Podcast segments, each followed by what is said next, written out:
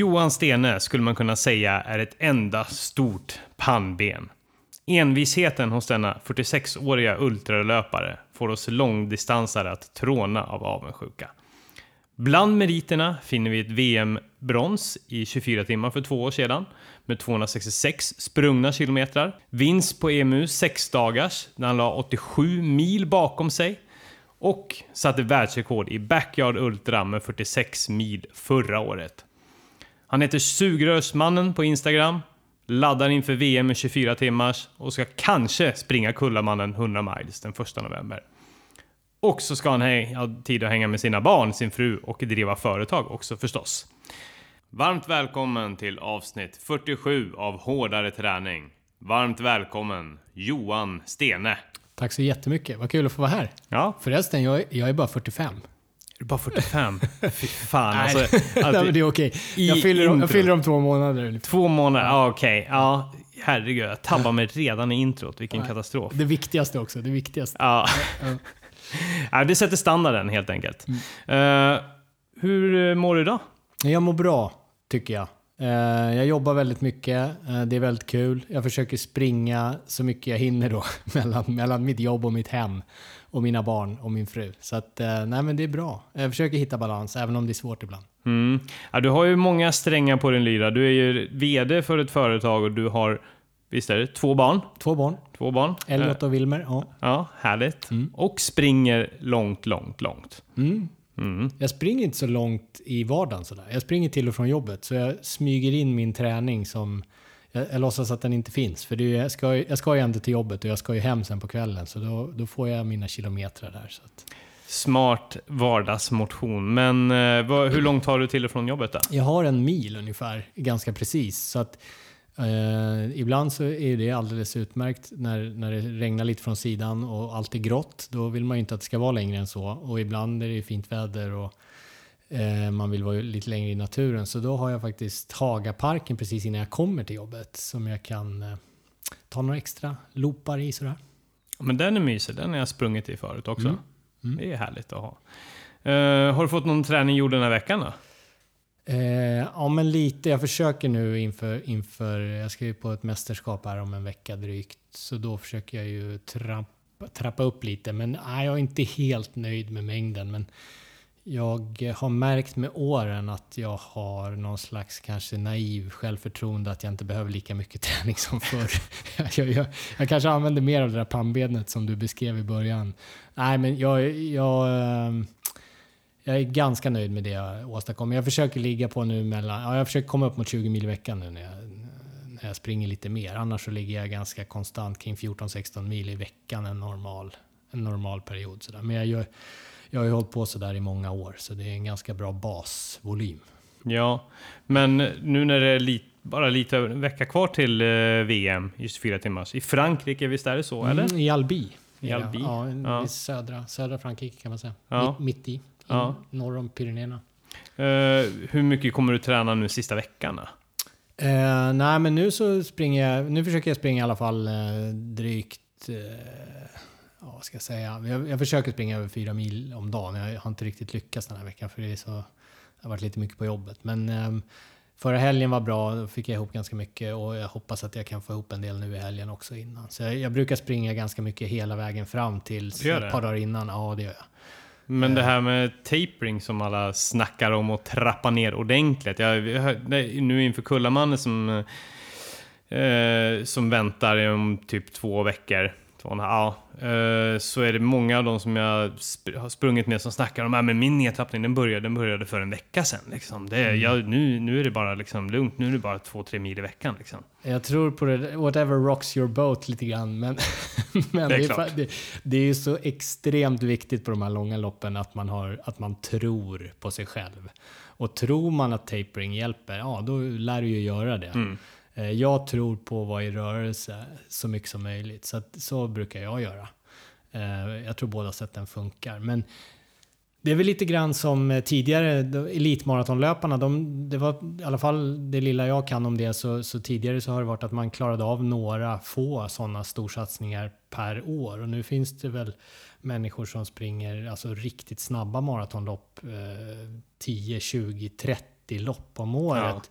Ner mot ja, lopp all, där alltihopa är under 2.20, under 2.15 kanske någon sån här japansk fantastisk amatör, halvamatörlöpare har gjort. Mm. Jag, jag kommer inte ihåg exakt siffrorna där, men det, det är ju åt det hållet. Så att kroppen är fantastisk så länge huvudet är med. Då, då, Ja, då tål man det där tror jag. ja. Det krävs ju att man testar lite grann också.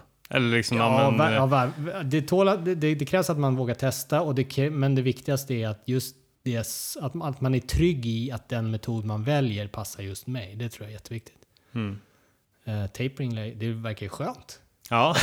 man kanske hinner eller hur, ligga på soffan. ligga på soffan lite. Det är. Ja, precis. Och käka lösgodis i ett par veckor innan loppet. så liksom, kan, men, ja, nej, men det- är väl också en me- mental bra grej att, eh, att träna hela vägen fram också. Jag känner mig lite så här, rädd inför att hålla på och tänka på det sättet. För jag tror att jag skulle bli både förslappad i kroppen och mentalt. Att jag liksom Man kommer för långt bort från värvet på något sätt. Så känner Ja. jag i alla fall. Jag, jag vill ju gärna ha något långt också ganska nära inpå. Alltså helst skulle, två veckor innan då skulle jag helst vilja springa ett ganska långt lopp om jag, för, för att bli trygg i att så jag inte är rädd för att jag har glömt bort hur man gör. Lite sådär. Ja, precis. Men sen såklart att det finns eh, det finns ju väldigt mycket data samlat kring den här typen av uppladdning och så. Och jag menar det som händer om man tränar hårt, det är ju att du får ju, du får ju mycket hormonpåslag i kroppen som bryter ner. Och det måste man ju låta avstanna.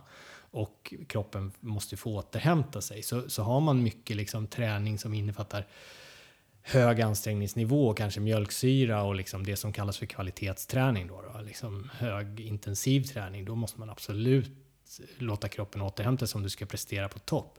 Men nu pratar vi om lopp som håller på för motionärerna kanske 25-35 timmar. Då behöver man inte den typen av träning, tycker nej, jag. Utan, utan då är det att vara på fötterna många, många timmar. Och, Ja. och, och då upplever inte jag att man behöver trappa ner innan. Liksom. Utan är det lugn och lufsande liksom jogg, det som jag håller på med, då behöver man inte, eller jag behöver i alla fall inte vila innan jag ska springa. Nej, det här götte, göttetempot. Nej, men så, så har jag gjort nu när det var typ 10.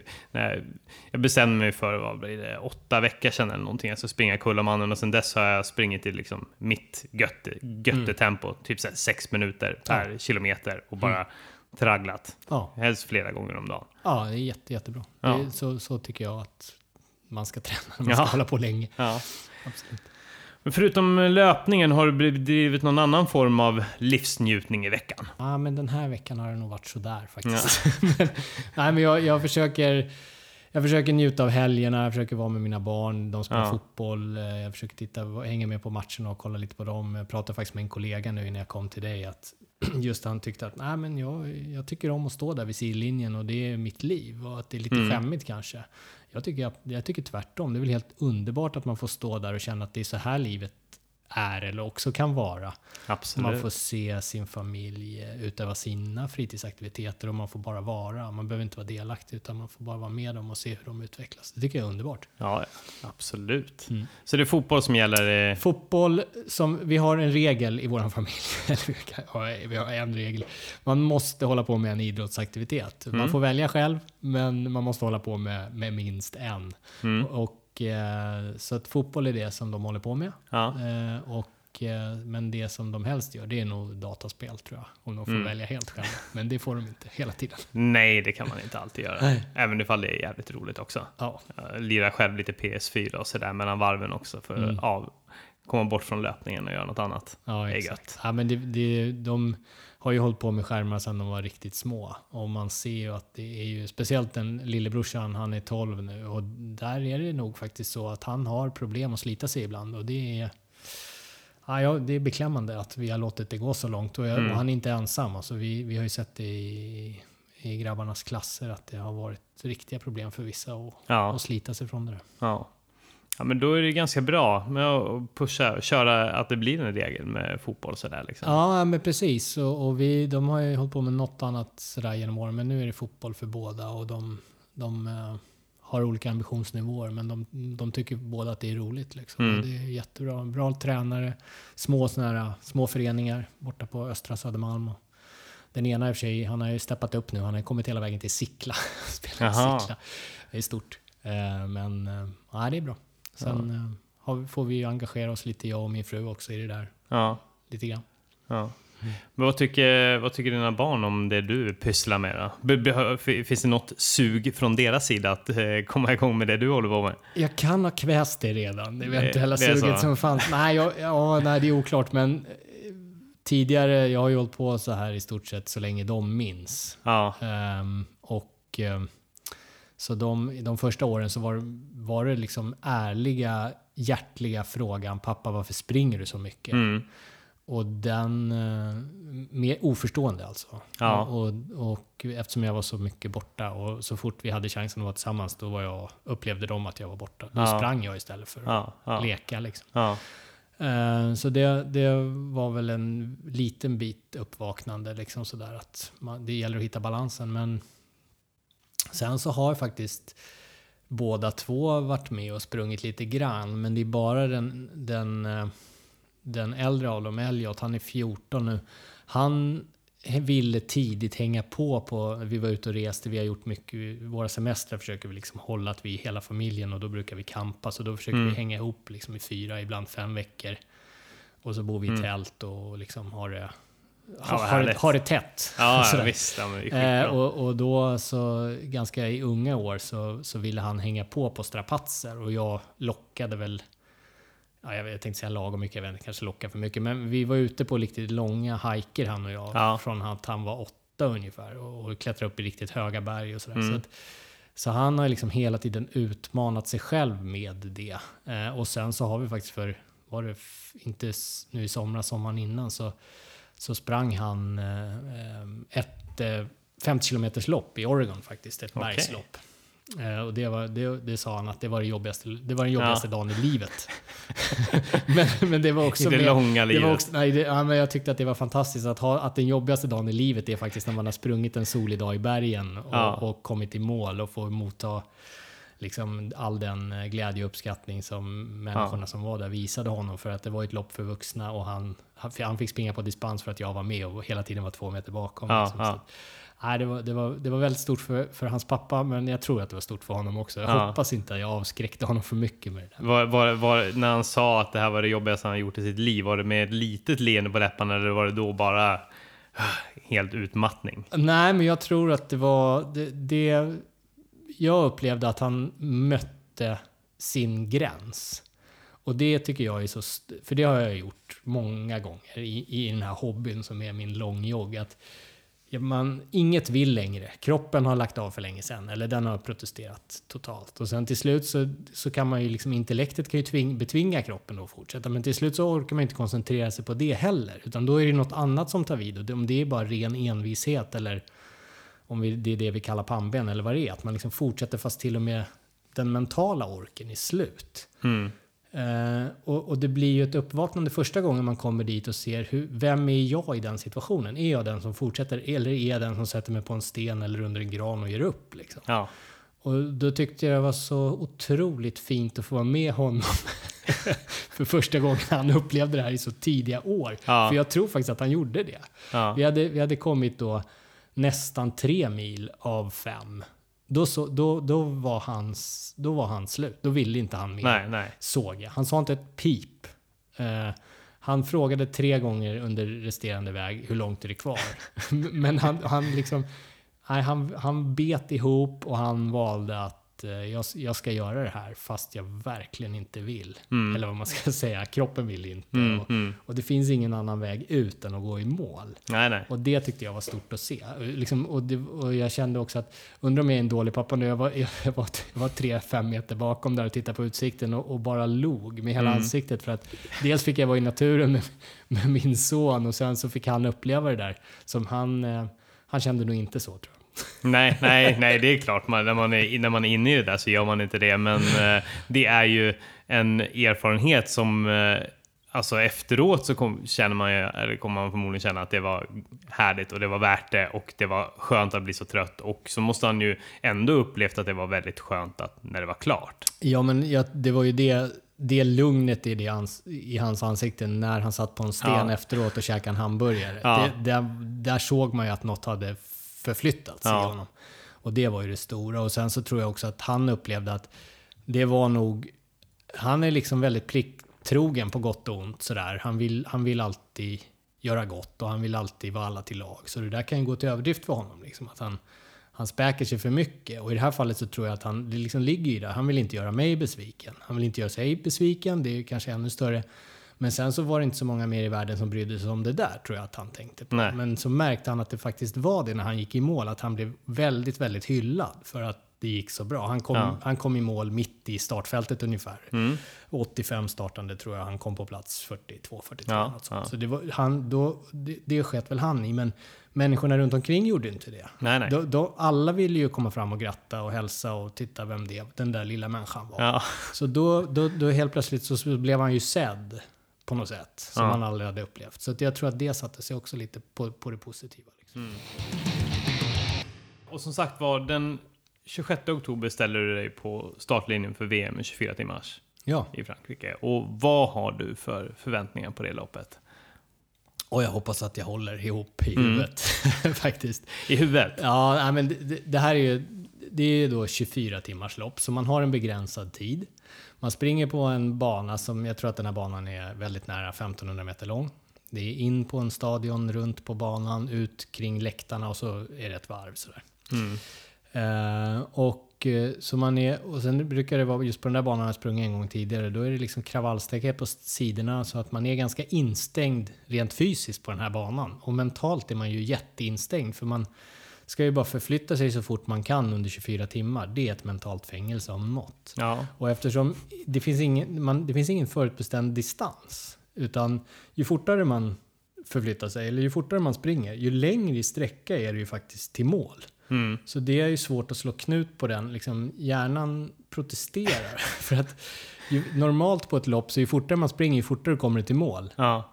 För att man avverkar distansen snabbare. Men här blir det ju lite fel då. För att ju fortare du springer, ju längre är det till mål hela tiden. Eh, och det där, eh, mm, det, det gäller att liksom bara grotta in sig i sig själv och stå ut egentligen. Och, och det är väldigt lätt att någon negativ tanke fastnar och tar för hårt. Som är, och det kan ju vara banala grejer som att Nej, men nu gör det så ont i knät så att det här blir nog permanenta skador. Jag kan nog, Mm. det, det kommer nog inte, det, det förstör jag hela vintern. Sådär. Eller ja, liknande. Nu, nu har jag så ont i musklerna så att nu går det inte att fortsätta. Nej. Och, jag, och det här är ändå okej för att alltså det kommer en massa förklaringar. Kom, du tänker på vad du ska säga till dem. Alltså du hittar på undanflykter som du kan säga verbalt till dem som står och tittar sen för att det var ändå okej att bryta eller det var ändå okej att slå av på takten. Det var ändå okej att inte försöka nå dina personliga mål för att, för att.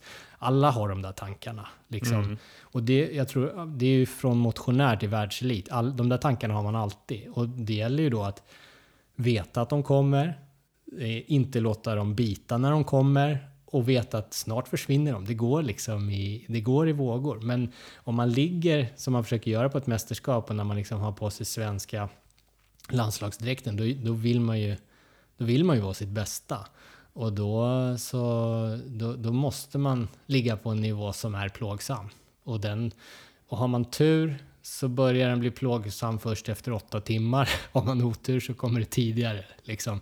Men sen så har du ju då eh, ja, 16 timmar kvar eller något. När du ska bara vara du och eh, våndan och smärtan och eh, Mm så att jag, jag, jag, nej, jag ska inte prata ner den här typen av lopp mer. Men, men jag, Nej, hade, det- det- Så här är det, hade, på riktigt, när jag, de första gångerna när jag sprang 24 timmars, då var jag nyfiken på vad händer med mig själv. Det är, ett- det är ett kontrollerat sätt att, att liksom se om man kan springa 100 miles på 24 timmar för första gången. Det är ett jättebra sätt. Liksom.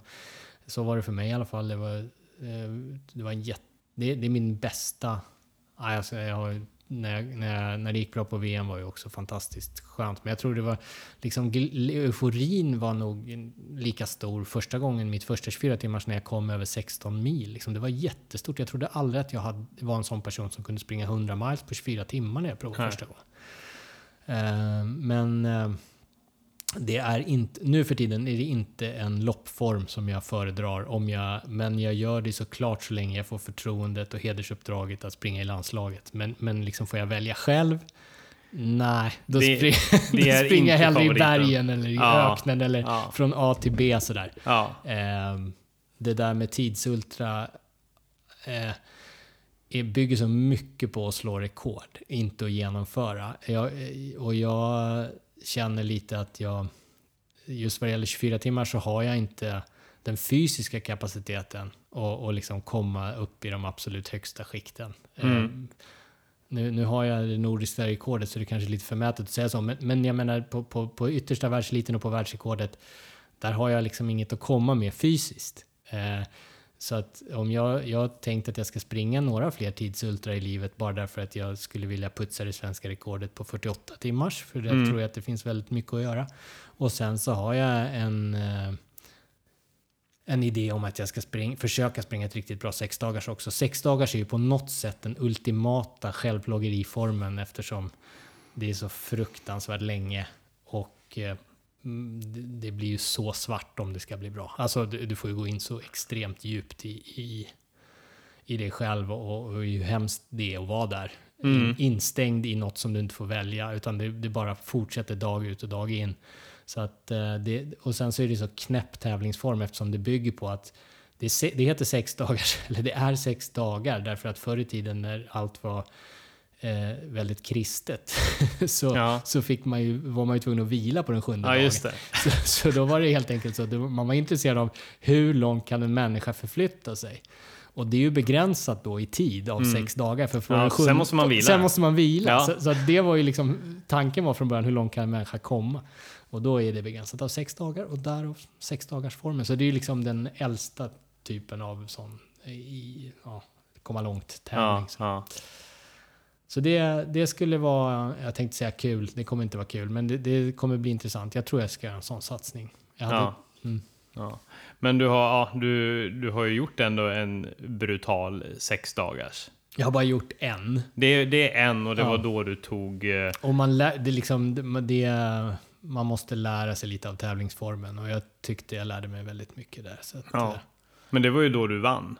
Ja Ja. det, då, det gjorde jag. Och du, men kände du att du gjorde du ett bra sex dagars då? Eller menar, kände du att du skulle vilja... Nej, jag tror att eh, jag kan göra ganska mycket bättre Ja. faktiskt. Ja. Vad var det som inte gjorde att det blev ett hundraprocentigt då enligt dig själv då? Du vann ju det liksom, men vad var det liksom Ja, som... Nej, men det var för jag var ganska sjuk faktiskt. Aha. eh, Och sådär. Så att eh, det kunde ha blivit mycket bättre. Eh, Var du sjuk när du ställde dig på startlinjen? Nej, ja, ja, jag hade varit sjuk. Jag var lite svag. Sen så blev jag sjuk under loppet. Men jag hade... Jag hade fel taktik i början. Jag gjorde många liksom fel. Jag trodde så mycket om hur jag skulle bete mig och hur det skulle vara. Och sen så efter nästan två dygn så föll jag in i en rytm som mer passade för, för mig och sex dagars löpning. Och, och det, den rytmen så har jag ju nu erfarenhet av och den vet jag att jag kommer försöka prova nästa gång redan från början. Och lite sådär. Vad är det Och, för och, rytm? ry- ja, men, ry, ja, men rytm i att när, hur, mycket, hur många timmar springer man, när stannar man, när vilar man? Ja, Eh, och, och ja, det, är- det är allt runt omkring. Det gäller ju att bli, ta bort allt som distraherar. Det ska bara vara, du ska ju bara vara en förflyttningsmaskin och sen så, så ska allt gå på klocka egentligen. mm. Eh, ja. Ja, Det, det måste vara svårt att planera en, alltså, en sån taktik innan man är inne i det. För det är inte så att du kan träna på hur det är att hålla på i sex dagar. Eller liksom hur... Nej, det är, ju, det är lite samma sak med de här eh, långa loppen också. Det, det, man har ju inte... Man gör väl inte så jäkla många i livet. Sådär, så att som, som brukar dra eh, parallellen till de som tränar sprintdistanser. Och liksom, de tränar väl i startblocken liksom 10 000 gånger innan de blir riktigt bra. Mm. Det är svårt att öva på hur det känns efter 12 timmar på ett 24 Exakt. timmars lopp 10 000 gånger. Så Ja, man måste, dels så måste man lyssna på andras erfarenheter och liksom Ja. snappa upp det som man tror passar en själv. Och sen så när man är där så får man faktiskt vara lyhörd för att komma ihåg att just det, det här är en lärostund också. Även om det går riktigt, riktigt dåligt så ska jag nog inte bryta utan jag ska nog fortsätta att lära mig av den här, ja. den här gången så att jag kan bli bättre och mer erfaren till nästa gång. Det tror jag. Ja, ja. Mm. Ja, nej precis. Så det gäller ju helt enkelt att göra några sex dagar innan man kanske kan lyckas med det där optimala. Ja, man vill inte göra för många, eller jag, Nej. jag vill inte i alla fall. Men det finns ju de som älskar tävlingsformen sex dagar för att det är ju också väldigt socialt. Du hänger ju med samma gäng då en hel Ja. vecka. Och det är klart att det, det, det går ju också. Men jag, jag är inte så... Jag är inte så fascinerad av, av det, den, tävlings, den här tidsultratävlingsformen så att det är någonting som jag känner att jag alltid vill hålla på med. Men däremot så kan jag triggas av det här nu med rekord och att det finns en chans att göra bättre. Mm. Eh, det här var inte det. Det var inte därför jag började springa långa liksom ultralöpning, utan det var en ren nyfikenhet på var mina gränser går. Mm. Och sen så har jag ju snöat in på det så mycket, så då blir det ju också att ja, det, det kommer in andra aspekter, andra drivkrafter och då är ju tävlingsformen en, liksom s- komma längre än de andra. Mm. Men eh, grund, grunddrivkraften och grundpassionen för mig var från början, och jag hoppas att det kan vara det också när jag, liksom, i resten av livet, är att liksom utmana mig själv eller att liksom se var mina gränser går och vad jag, min, min egen upplevelse, inte mäta så mycket med andra. Det blir, eh, det blir för mycket kravställande, tycker jag, eh, på en hobby. Eh, Att ha de, den pressen på sig. Det, hobbyn ska ju vara något som liksom ger livet färg och, och eh, ytterligare ett, ett, ett lager med härlighet och inte, inte ett jobb till. Det behöver man ta. Jag tänkte vi ska gå över till lite grann ytterligare fördjupa oss i det fysiska och mentala kriget inför och under lopp. Och du är en så kallad, vad ska jag säga, du är en, du är en late bloomer som många andra, som jag också, som började inte springa riktigt förrän 2011. Men, ja, men det, startskottet var väl lite grann att du sprang, eller när du läste boken Born to Run. Absolut. Ultra, ultra var, innan dess så sprang jag väldigt lite och hade gjort det ett par, tre år kanske. Ja.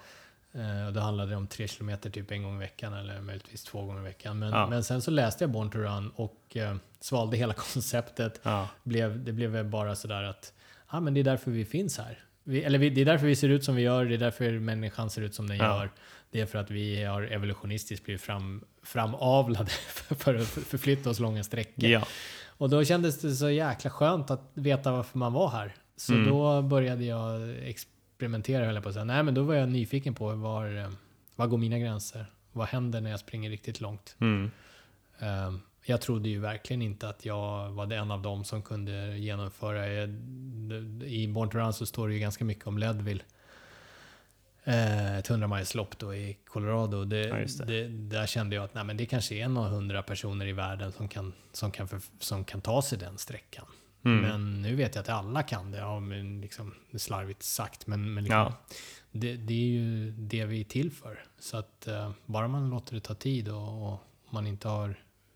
Ja, man, man liksom låter det ta den tid man tar. Och, och givetvis att man måste vilja såklart. Det är ju det, är det viktigaste, att, det, att man har huvudet med sig. Men nej, så att eh, den där eh, efter, efter Born to Run, då började jag springa mer och sen så... Där står det ju också att man... Man ska helst springa barfota. så att, Och då- har du tagit fasta på det då? Nej, det har jag inte gjort. Men jag, men jag är helt övertygad om att det är jättebra och, eh, att träna upp sina fötter och, och använda kroppen som den är tänkt att användas biomekaniskt. Så att jag sprang väldigt mycket i, i det som kallas för minimalistiska skor då, Mm. eller barfotaskor. Så där och det gör jag väl kanske fortfarande lite grann. Men jag eh, tror att jag har ganska starka fötter nu för jag har sprungit väldigt mycket i så, så jag springer med, helst med lätta os, ostyriga skor. Liksom. Ingen, jag, vill inte ha någon, jag vill inte att någon ingenjör har bestämt hur, hur, skon, eller hur, min, hur mitt löpsteg ska vara eller hur, hur, hur, hur foten ska styras genom löpsteget utan det tror jag min kropp är bäst på. Du är inte liksom fascinerad av alla de här ascoola filmerna som släpps när det kommer en ny sko om hur mycket det, de hjälper dig med din löpning. Nej, jag brukar säga det, jag, i- ironiskt brukar jag alltid skriva på sådana kommentarer att det sitter i skorna. Men, men Ja. eh, eh, jag, jag, var, jag var de första åren när jag sprang mycket jätteintresserad av skor och utrustning. Det tror jag, för mig är det naturligt. Jag älskar en sån här utrustningskille. Mm. Liksom, som, Ja, men det är roligt. det är kul och därför så tycker jag löpning är bra för mig. För det finns inte så mycket utrustning. Alltså jag, jag skulle... jag skulle bli rent patetiskt om jag höll på med triathlon eller något sånt där. Det är det jag är rädd för att göra. Det för, för, det blir ju liksom, om man börjar kolla på de där prylarna så, liksom, så kollar man på de, de lite billigare, men sen ser man de lite dyrare mm. och sen så är det så jävla många tyckare, speciellt ja. inom cyklingen så är ju mm. fan folk skitjobbiga som är nördiga i cykling. Ja. För de fördömer ju en ifall man eh, köper en cykel för 10 000. Då är det bara så här, du kan lika gärna skrota den, du måste ha den här. ja, ja, visst. Nej, men så, det, det, så, så långt jag kommit med min självinsikt att där ska jag inte hålla på för då, då kommer jag aldrig ut därifrån. Nej, men så de första åren så provade jag igenom otroligt många olika skor och, jag, och det var väldigt viktigt för mig vad jag hade för skor eh, och sådär. Och sen så har det väl det där klingat av med åren så att nu vill jag bara ha sköna stora skor. Eller de, jag måste ha jättestora skor därför att eh, annars så klämmer det någonstans på fötterna. Jag, det stör mig att, att någon har inte att, att man inte tillverkar skor som ser ut som fötter. Mm. Det tycker jag det är jättejobbigt. Små, smala, spetsiga, åtsittande. Ja, och att det ska vara något bra. Jag, jag, jag fattar faktiskt inte det, men eh, det är väl okej. Okay. Men jag, då måste jag köpa alldeles för stora skor så att mina mm. tår kan spreta lite. Ja, men trycker man ihop foten tillräckligt mycket så blir man snabbare, då blir man snabbare lättare. Ja, jo, så kanske ja, det. Ja. Strömlinjeformad liksom. nej, Mindre jag, luftmotstånd. Precis, nej, men jag vet precis vad du menar. De, mm. de ska vara så. Jag föredrar i, i, vissa fall ganska tajta skor och sådär. Mm. Men eh, jag har börjat mer och mer experimentera med lite, ja men jag testar lite hoka-skor, eh, mm. sportiva och så här, med lite mm. bredare. Och jag upplever att det, framförallt på längre sträckor så är det skönare. Mm. Och ha någonting som in, och speciellt att jobba med lite rum i skorna också så de har plats och ja. svälla lite grann. Och sånt ja. där. Nej men absolut. Jag, jag, det, det är ju, jag jag tror att om jag hade ork och bodde på ett annat ställe, jag vet inte jag ska, hur jag ska uttrycka det, men då tror jag att jag hade sprungit mera barfota faktiskt. Men det är ju mäckigt. Att vara, alltså, det är svårt att vara barfota och det ser ganska konstigt ut.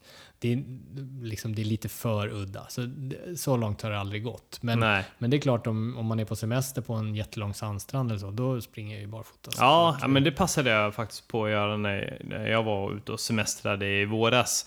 Men eh, då blev jag samtidigt också när jag sprang på stranden så blev det lite skavd och sådär. Mm. Men det är väl förmodligen, fan fötter, eller mina fötter är liksom, har varit inkapslade i skor i många år. Så helt plötsligt så springer man utan och så blir det lite men det, jag, tycker, jag upplever det som en skön grej att göra. Ja, absolut. Och, och, man kan, om man, det är ju precis som du säger, om man har varit instängd i skor sedan man var ett och började gå. Det är klart mm. att de behöver lite tillvänjning och inte liksom chockas med att nu springer vi allt barfota. Utan yes. det, det, det kanske är värt att säga i alla sådana här sammanhang att oh, gör inte det för fort för då kommer det bli mycket krämpor och skavanker. Liksom. Ja smyga igång med den typen. Men det är, jag tycker det är jättehärligt att ha starka fötter. Det, mm. det funkar jättebra.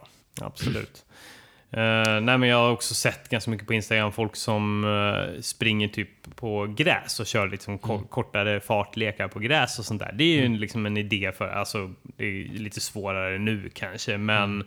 på sommaren och liknande kan man ju experimentera med sånt för att mm. liksom, och då känner man ganska naturligt eh, hur ens löpsteg ska vara kan jag uppleva också. Ja, jag tycker, jag, jag, om, man, om man får välja så, så sopad asfalt där man inte riskerar att trampa på någon hård sten som lever, ligger ovanpå eller så. Så hårdgjorda ytor tycker jag är jättebra att springa barfota på. Asså. För då får du verkligen känna hur löpsteget ska vara. Då, ja. då får du liksom aktivera alla leder och ben och liksom eh, kroppens egna stötdämpningsfunktioner. Eh, på gräset så får du ju lite handikapp då. Gräset är ju mjukt ja, och då behöver du inte mm. vara lika duktig. Har du ett hårt underlag så måste du faktiskt känna hur sätter jag ner fotbladet mot marken och hur rullar jag över foten när, när jag liksom går genom steget.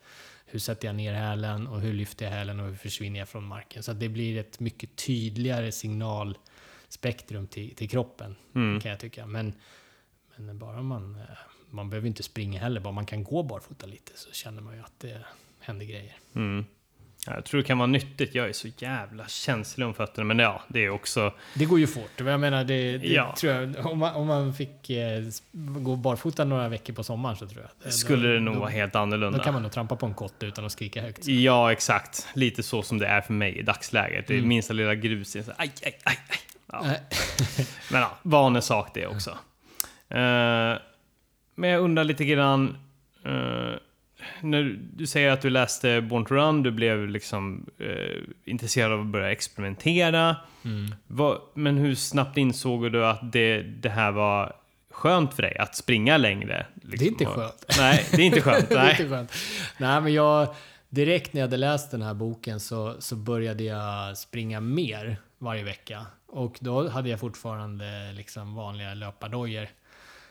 Eh, och, ehm, men, men jag låtsades redan från början när jag ut att jag sprang barfota fast med löparskorna på. Så jag började öva och liksom tänka så här, men nu springer jag barfota. Det här var på vintern också, så det var inte ens aktuellt att springa barfota. Så, så fort det blev vår så började jag med mer tunna skor och, och sådär. Och tänkte mycket på löpteknik.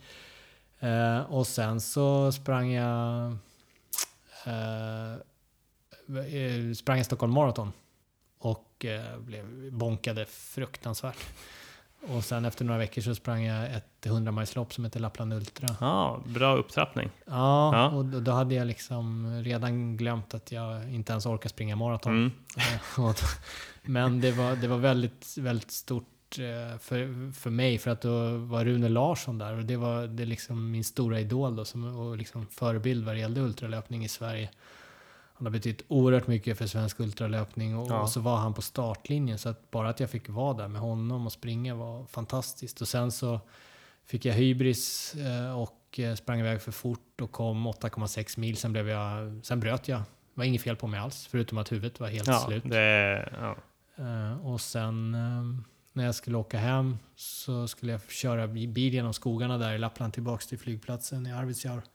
Så blev det, inte vet jag, en spirituell upplevelse. Jag såg någon ås där i skogen och, och så stannade jag bilen och, och såg att där skulle jag kunna springa. Jag skulle kunna springa genom de här skogarna. Det är det jag Mm. vill. Mm. Så jag, det, det var så sån stor eh, upplevelse så jag började gråta där rent patetiskt i min Ja. ensamhet i bilen. Jag parkerade och tittade liksom på skogen och tänkte att här kan jag springa genom de här skogarna. Vilken upplevelse jag har fått vara med om. Det har ändå brutit loppet. Liksom. ja. Eh, och sen så kom jag tillbaks och så i Arvidsjaur försökte jag till och med försöka jogga lite då. Det kunde jag. Det var ju Nej. mer som jag var handikappad. Men, Ja, ja, ja.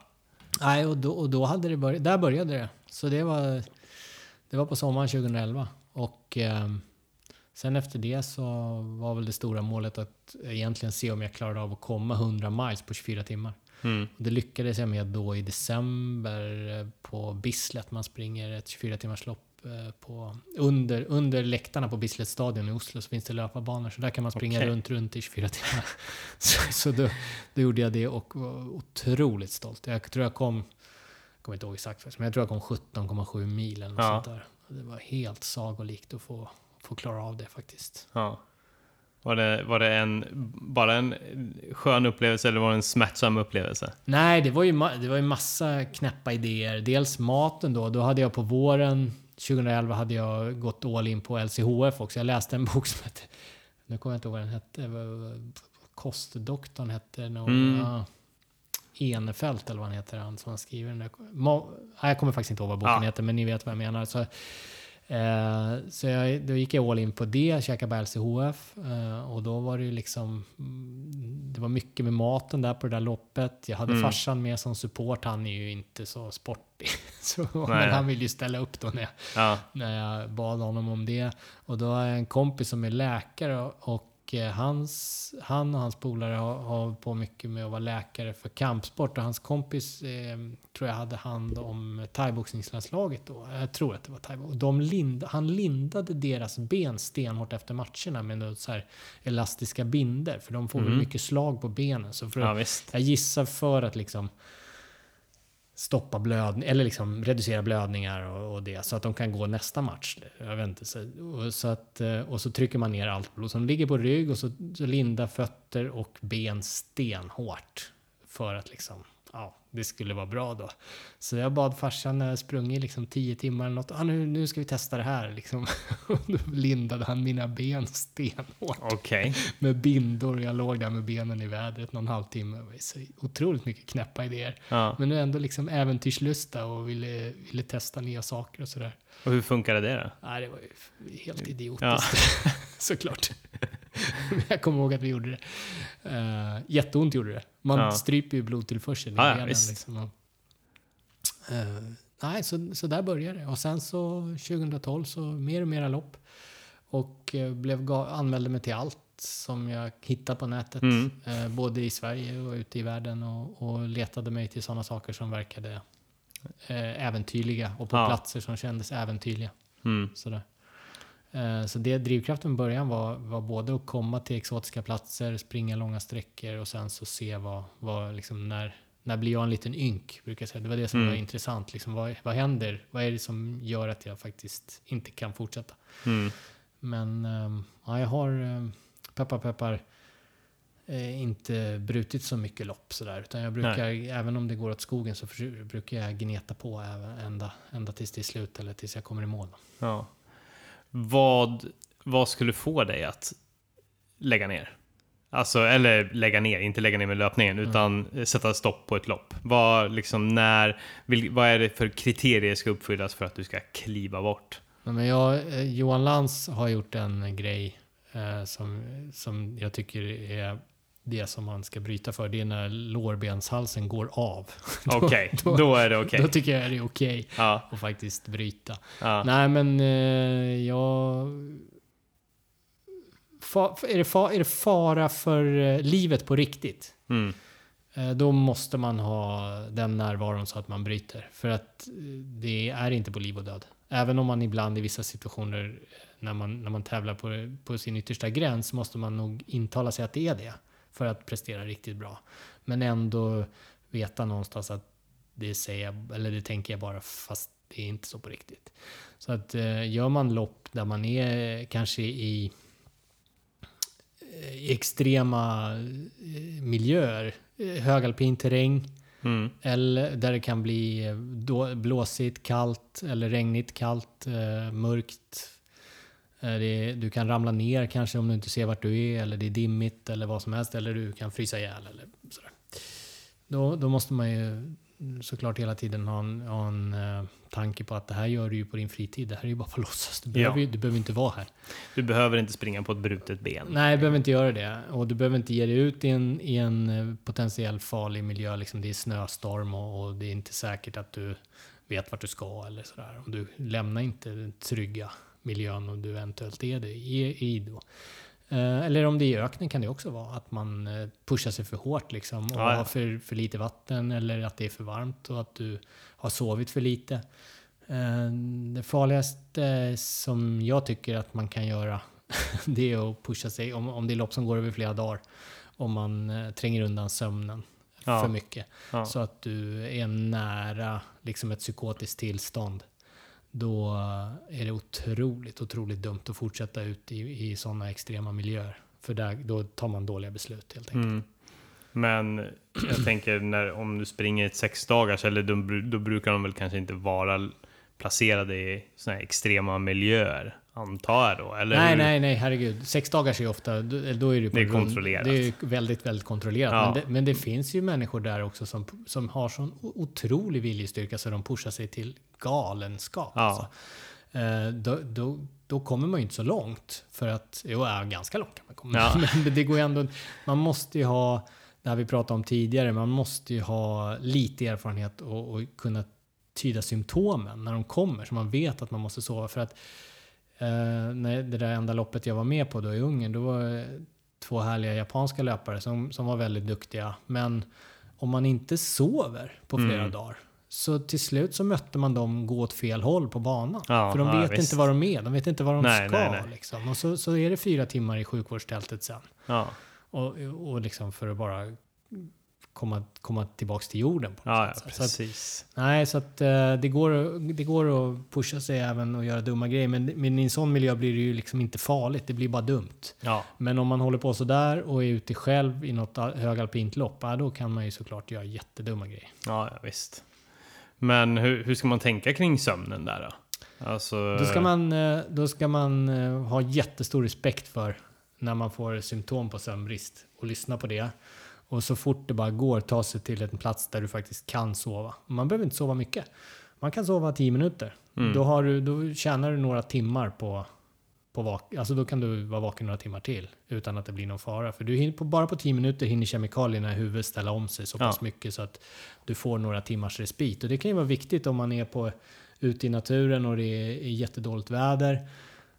Kan man söka lite skydd, linda in sig i någon överlevnadsfilt och få 10 minuters sömn, då kanske man kan ta sig ner till byn och till, någon, till något hus. Då, eller så så att, eh, det, det är jätteviktigt. Men, men där handlar det mycket om att kunna läsa sina symptom och, och veta när det är viktigt att gå och lägga sig och när man kan pusha lite till. Mm. Eh, Men det, det här, jag menar, det finns inte så många lopp där man behöver ta hänsyn till det. Som Nej, det är klart. Nej, men har du någon gång på, eller liksom när du har gjort dina 24 timmars eller eh, sex dagars, har du, har du hamnat där då du nästan har varit, liksom, hållit på Ja, ja men jag har, ja, ja, inte på, på 24 timmar så går det ju. Då- Det kan man Nej, ju. du. Det kan ju, tror jag, till och med mina barn. De önskar nog att de får vara vaken Ja. 24 timmar ibland. Så, så det går ju bra att gneta på. Och 48 timmar är också samma sak. Ja. Där, där är det ju helst, kan man komma långt så är det ju ingen vila där. Utan Nej. är det rörelse hela tiden. Men är det mer än 20 48 timmar så är det rimligt att börja tänka på sömn. Mm. Och, eh, och, ehm, ja, och, och går man inte och lägger sig, för, mig blir det i alla fall så att, att tidigt så börjar man, jag vet inte hur mycket jag ska gå in på det här, det blir, eh, eh, det blir avskräckande. Men, men ehm, det börjar ju med för mig i alla fall att jag hör, eh, jag börjar konversera med mig själv, inte, inte högt men in i huvudet. Alltså det blir Ja. som jag är mer än en. Så att Mm. jag kan Eh, jag kan diskutera, ska vi, ska vi fortsätta eller liksom sådär. Mm, Eh, mm. Och det, det är subtilt, det är inte tydligt, utan det är mer bara att jag reflekterar över att nu kommer det här. Och sen så kommer jag ganska tätt in på déjà vu-upplevelser, att här har jag varit förut. Mm. Och börjar känna de två nu för tiden, då vet jag att nu är det bråttom, nu ska jag sova. Mm. Eh, det kan, förlåt, det, kan komma tidigare än de här symptomen så, så brukar man säga hägringar. Nu brukar jag skilja på, eller det är jag, men jag, det är någon, en, var en kille som förklarade för mig en gång att det är en jättestor skillnad mellan en hägring och en hallucination. Okej, vad är skillnaden? Ja, det, det får stå för honom, men jag har tagit fasta på det. Eller För mig, Ja. så, så min definition, eller hans definition, är så här att en, en hägring, det är någonting som man ser.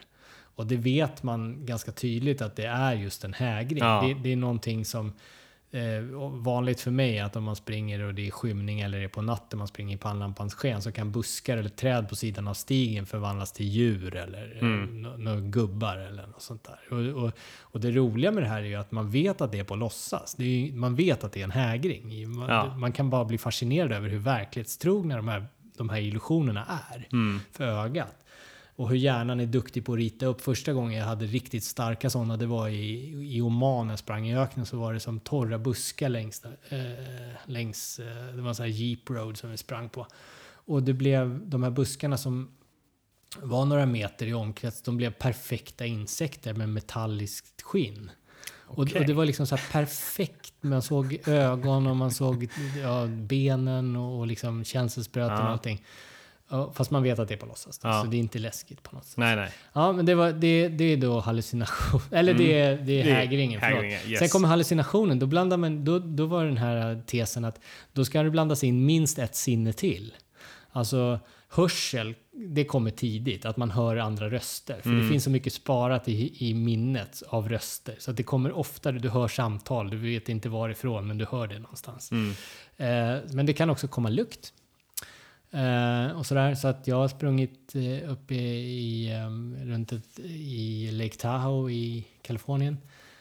Och det var bara en mil kvar eller så innan målgång. Hade hållit på alldeles för många dagar med det där. Så, eh, och jätte, jättetrött. Eh, så ser jag ett tält och eh, jag hör någon som eh, rör runt i en sån här cowboy-kaffekanna, en sån metallkanna med någon sked.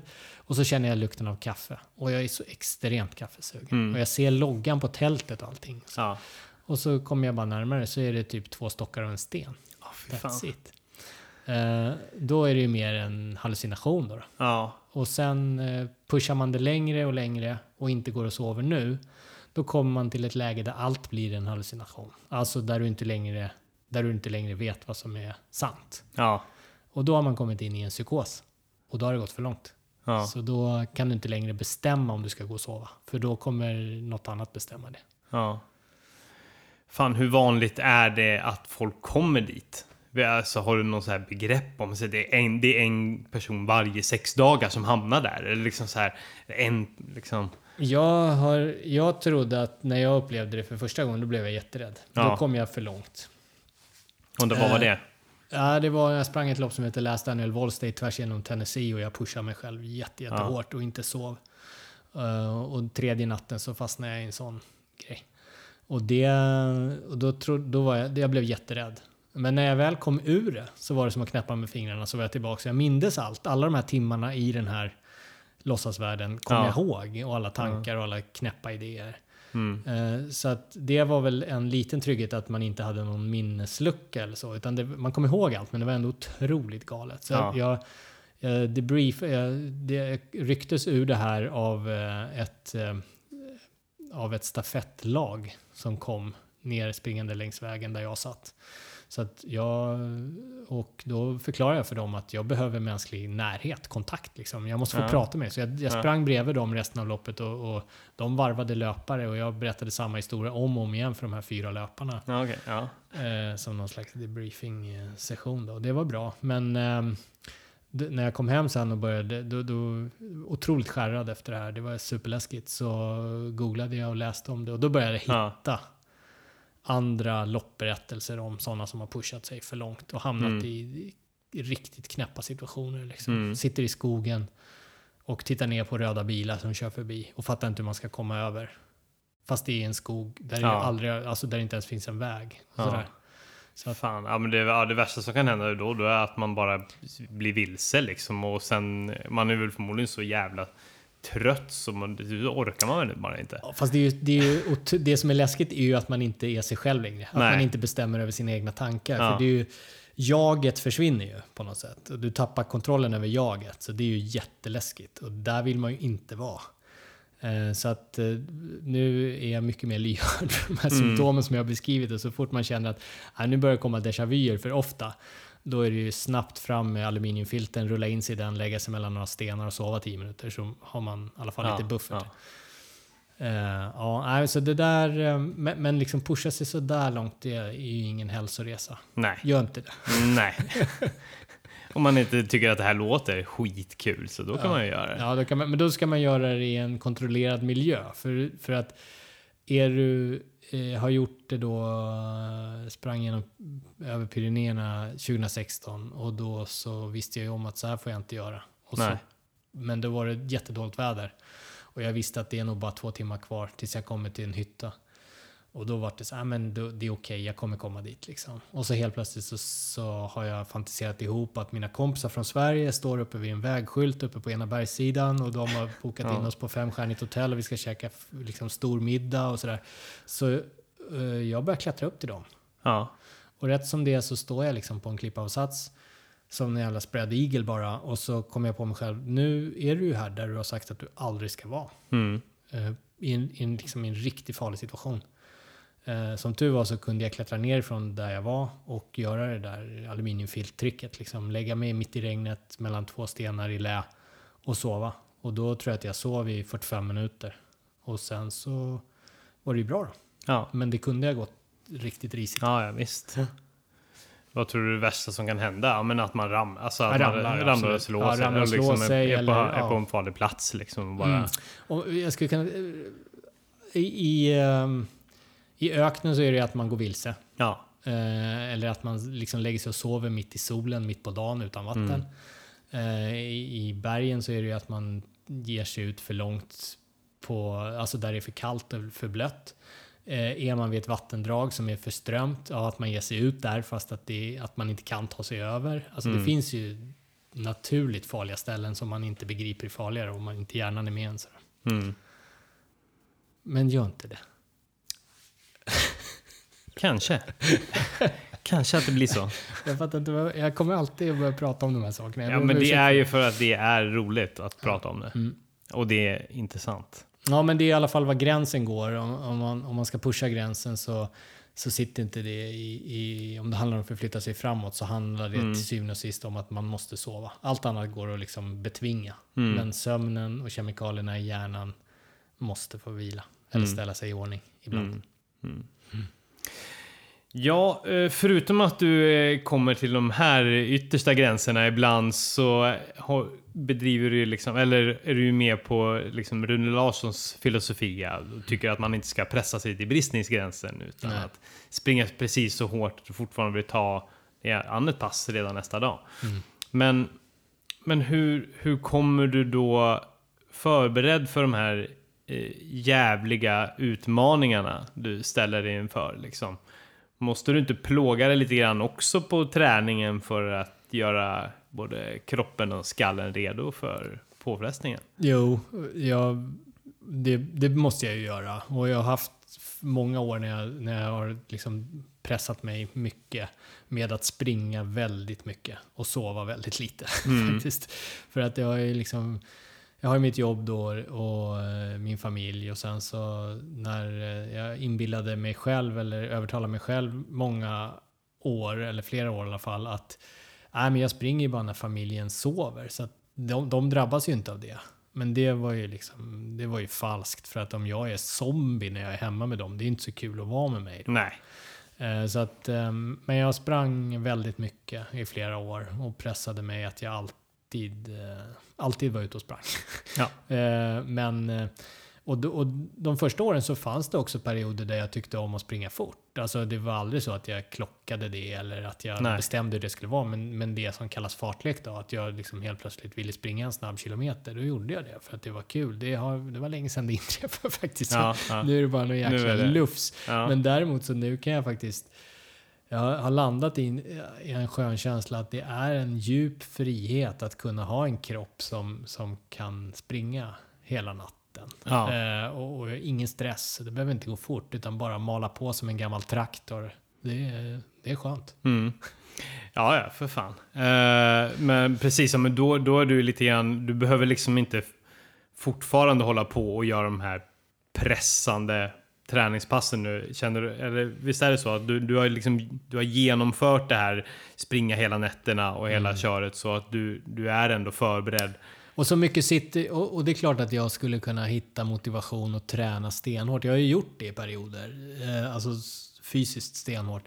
Men, men ehm, jag, det här jag håller på med kräver så mycket huvud på något sätt. Så jag är ganska trygg med vad jag kan göra bara där. Ja, precis. den Och de, här sista, biten. och de här sista 10, inte vet jag, 10 procenten i kroppen som jag skulle kunna tvinga, ja, de, de har jag inte riktigt liksom... Ja, jag har inte riktigt motivationen att lägga det, för det, det, det är jätte, jättejobbigt med elitidrott. Faktiskt. Ja, gud ja. Det, och det är ett extra, det är ett extra jobb utan på, på jobbet. Så att det, det går eh, bit, det har gått i perioder för mig att att träna stenhårt. Men, men nu så är det mer att jag, ja, jag vet inte, det låter ju slarvigt också, lever på gamla meriter så är det väl inte riktigt. Men, men det är inte liksom, jag försöker inte bli bäst i världen. Nej, Det måste man försöka, om man ska bli det så måste man försöka bli det. göra Och man måste det- göra lite mer än alla andra. Ja, Ja. Det går inte att liksom det går, inte att, det går inte att träna smartare. Nej. Det går bara att träna hårdare Mm. än alla andra. Det Och finns mer. inga genvägar där. Nej, nej, lite så är det ju. Absolut. Ja. Sen så kan ju vara kanske... Ja, det, det, det är ändå skönt att kanske komma till den. Alltså, jag menar, du har späkt dig själv i, i år och dagar. Mm. Och då är det skönt att känna att du kan göra det på... Du, du tränar uppenbarligen mycket fortfarande, men på Mm. en nivå som gör att du liksom hanterar vardagen bättre och finns där för familjen och allting. Ja, liksom. nej, men så är det absolut. Och sen så det här med att vad jag är rädd för, vad som skulle få mig, du frågade vad jag skulle få mig att bryta ett lopp, men vad som skulle få mig att sluta springa, det är att jag inte tycker att det är, att det är värt det längre. Att det, Nej. inte, att det inte är en passion, att det inte är den här frihetskänslan längre, utan att det är ett krav, något jag måste göra. Då Ja. kommer jag ju inte fortsätta. Nej, nej. I alla fall inte liksom länge. Och jag vill på riktigt. Jag är så glad att jag hittade, även om det blev sent i livet, jag är så glad att jag hittade den här hobbyn. Mm. Jag vill fortsätta tills jag dör. På riktigt. Ja, ja. Och, och då skulle jag, jag ska bli så sur på mig själv om jag liksom begår rovdrift på passionen här och liksom förstör det genom att övergöra. Det, det vill jag inte.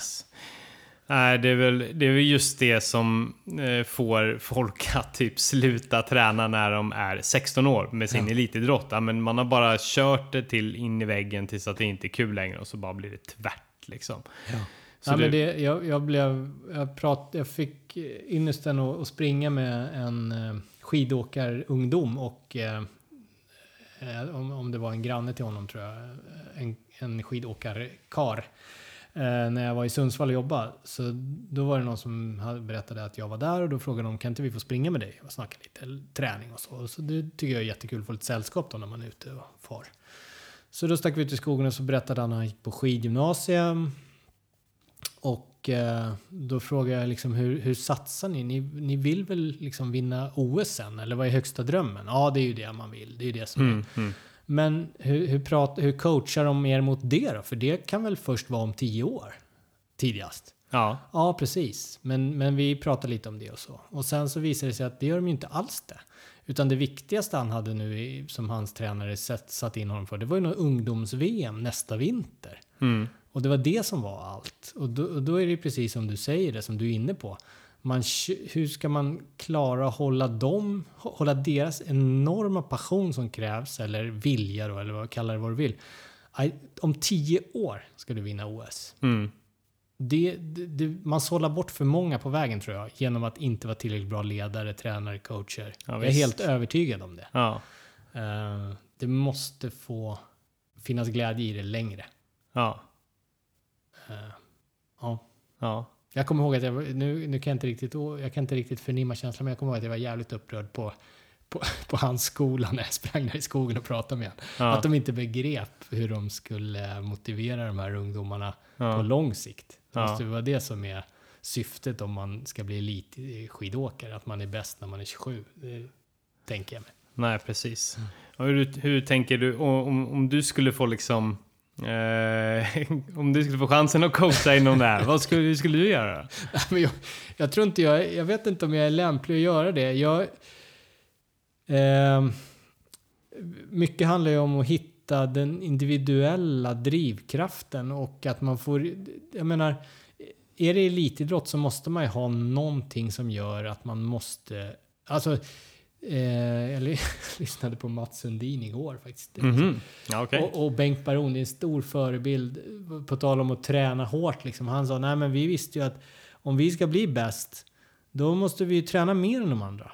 Så vi gjorde så här att på nyårsdagen, liksom, då klockan 4.30 eller vad det var, 3.30 på morgonen, då var vi i bassängen och så tränade vi ett stenhårt pass. Då visste vi att vi låg ett pass före alla andra på det här året. Mm. Så vi är ett pass före i alla fall. Det var Mm. skön känsla. Liksom. Mm. Det är den mentaliteten man måste ha om man ska bli bäst. Ja, absolut. Nu behöver man inte bli bäst. Men, men just att man hittar det som gör det eh, roligt på, på, på de gånger man kan ha roligt. Så att man orkar bita ihop de gånger det inte är roligt. För är det elitsatsning så är det såklart inte roligt jämt. Nej, det gud nej. inte. Då är det ett jobb.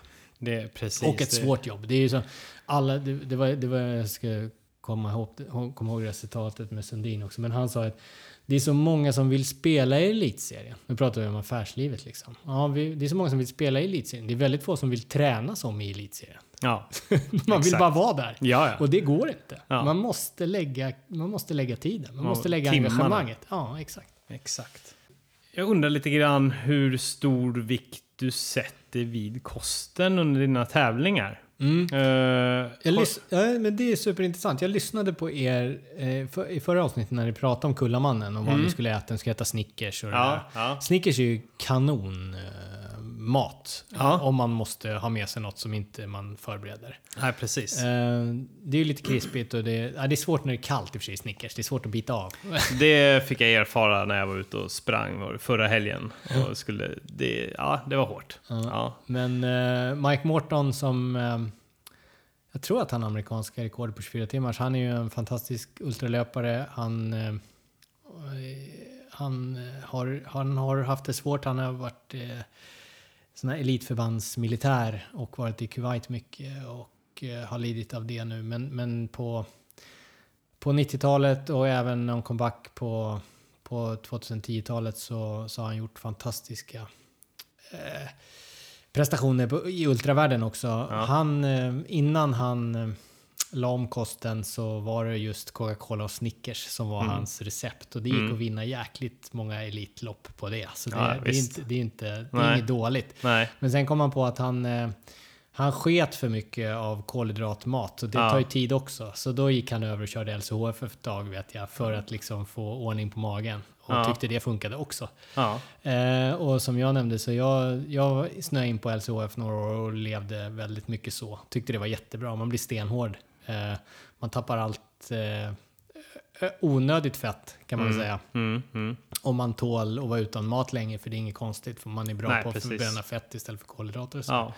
Och i alla fall lågintensiv sport som jag håller på med så är det utmärkt att vara ute en hel dag utan att behöva ha tillgång till mat hela tiden. Precis.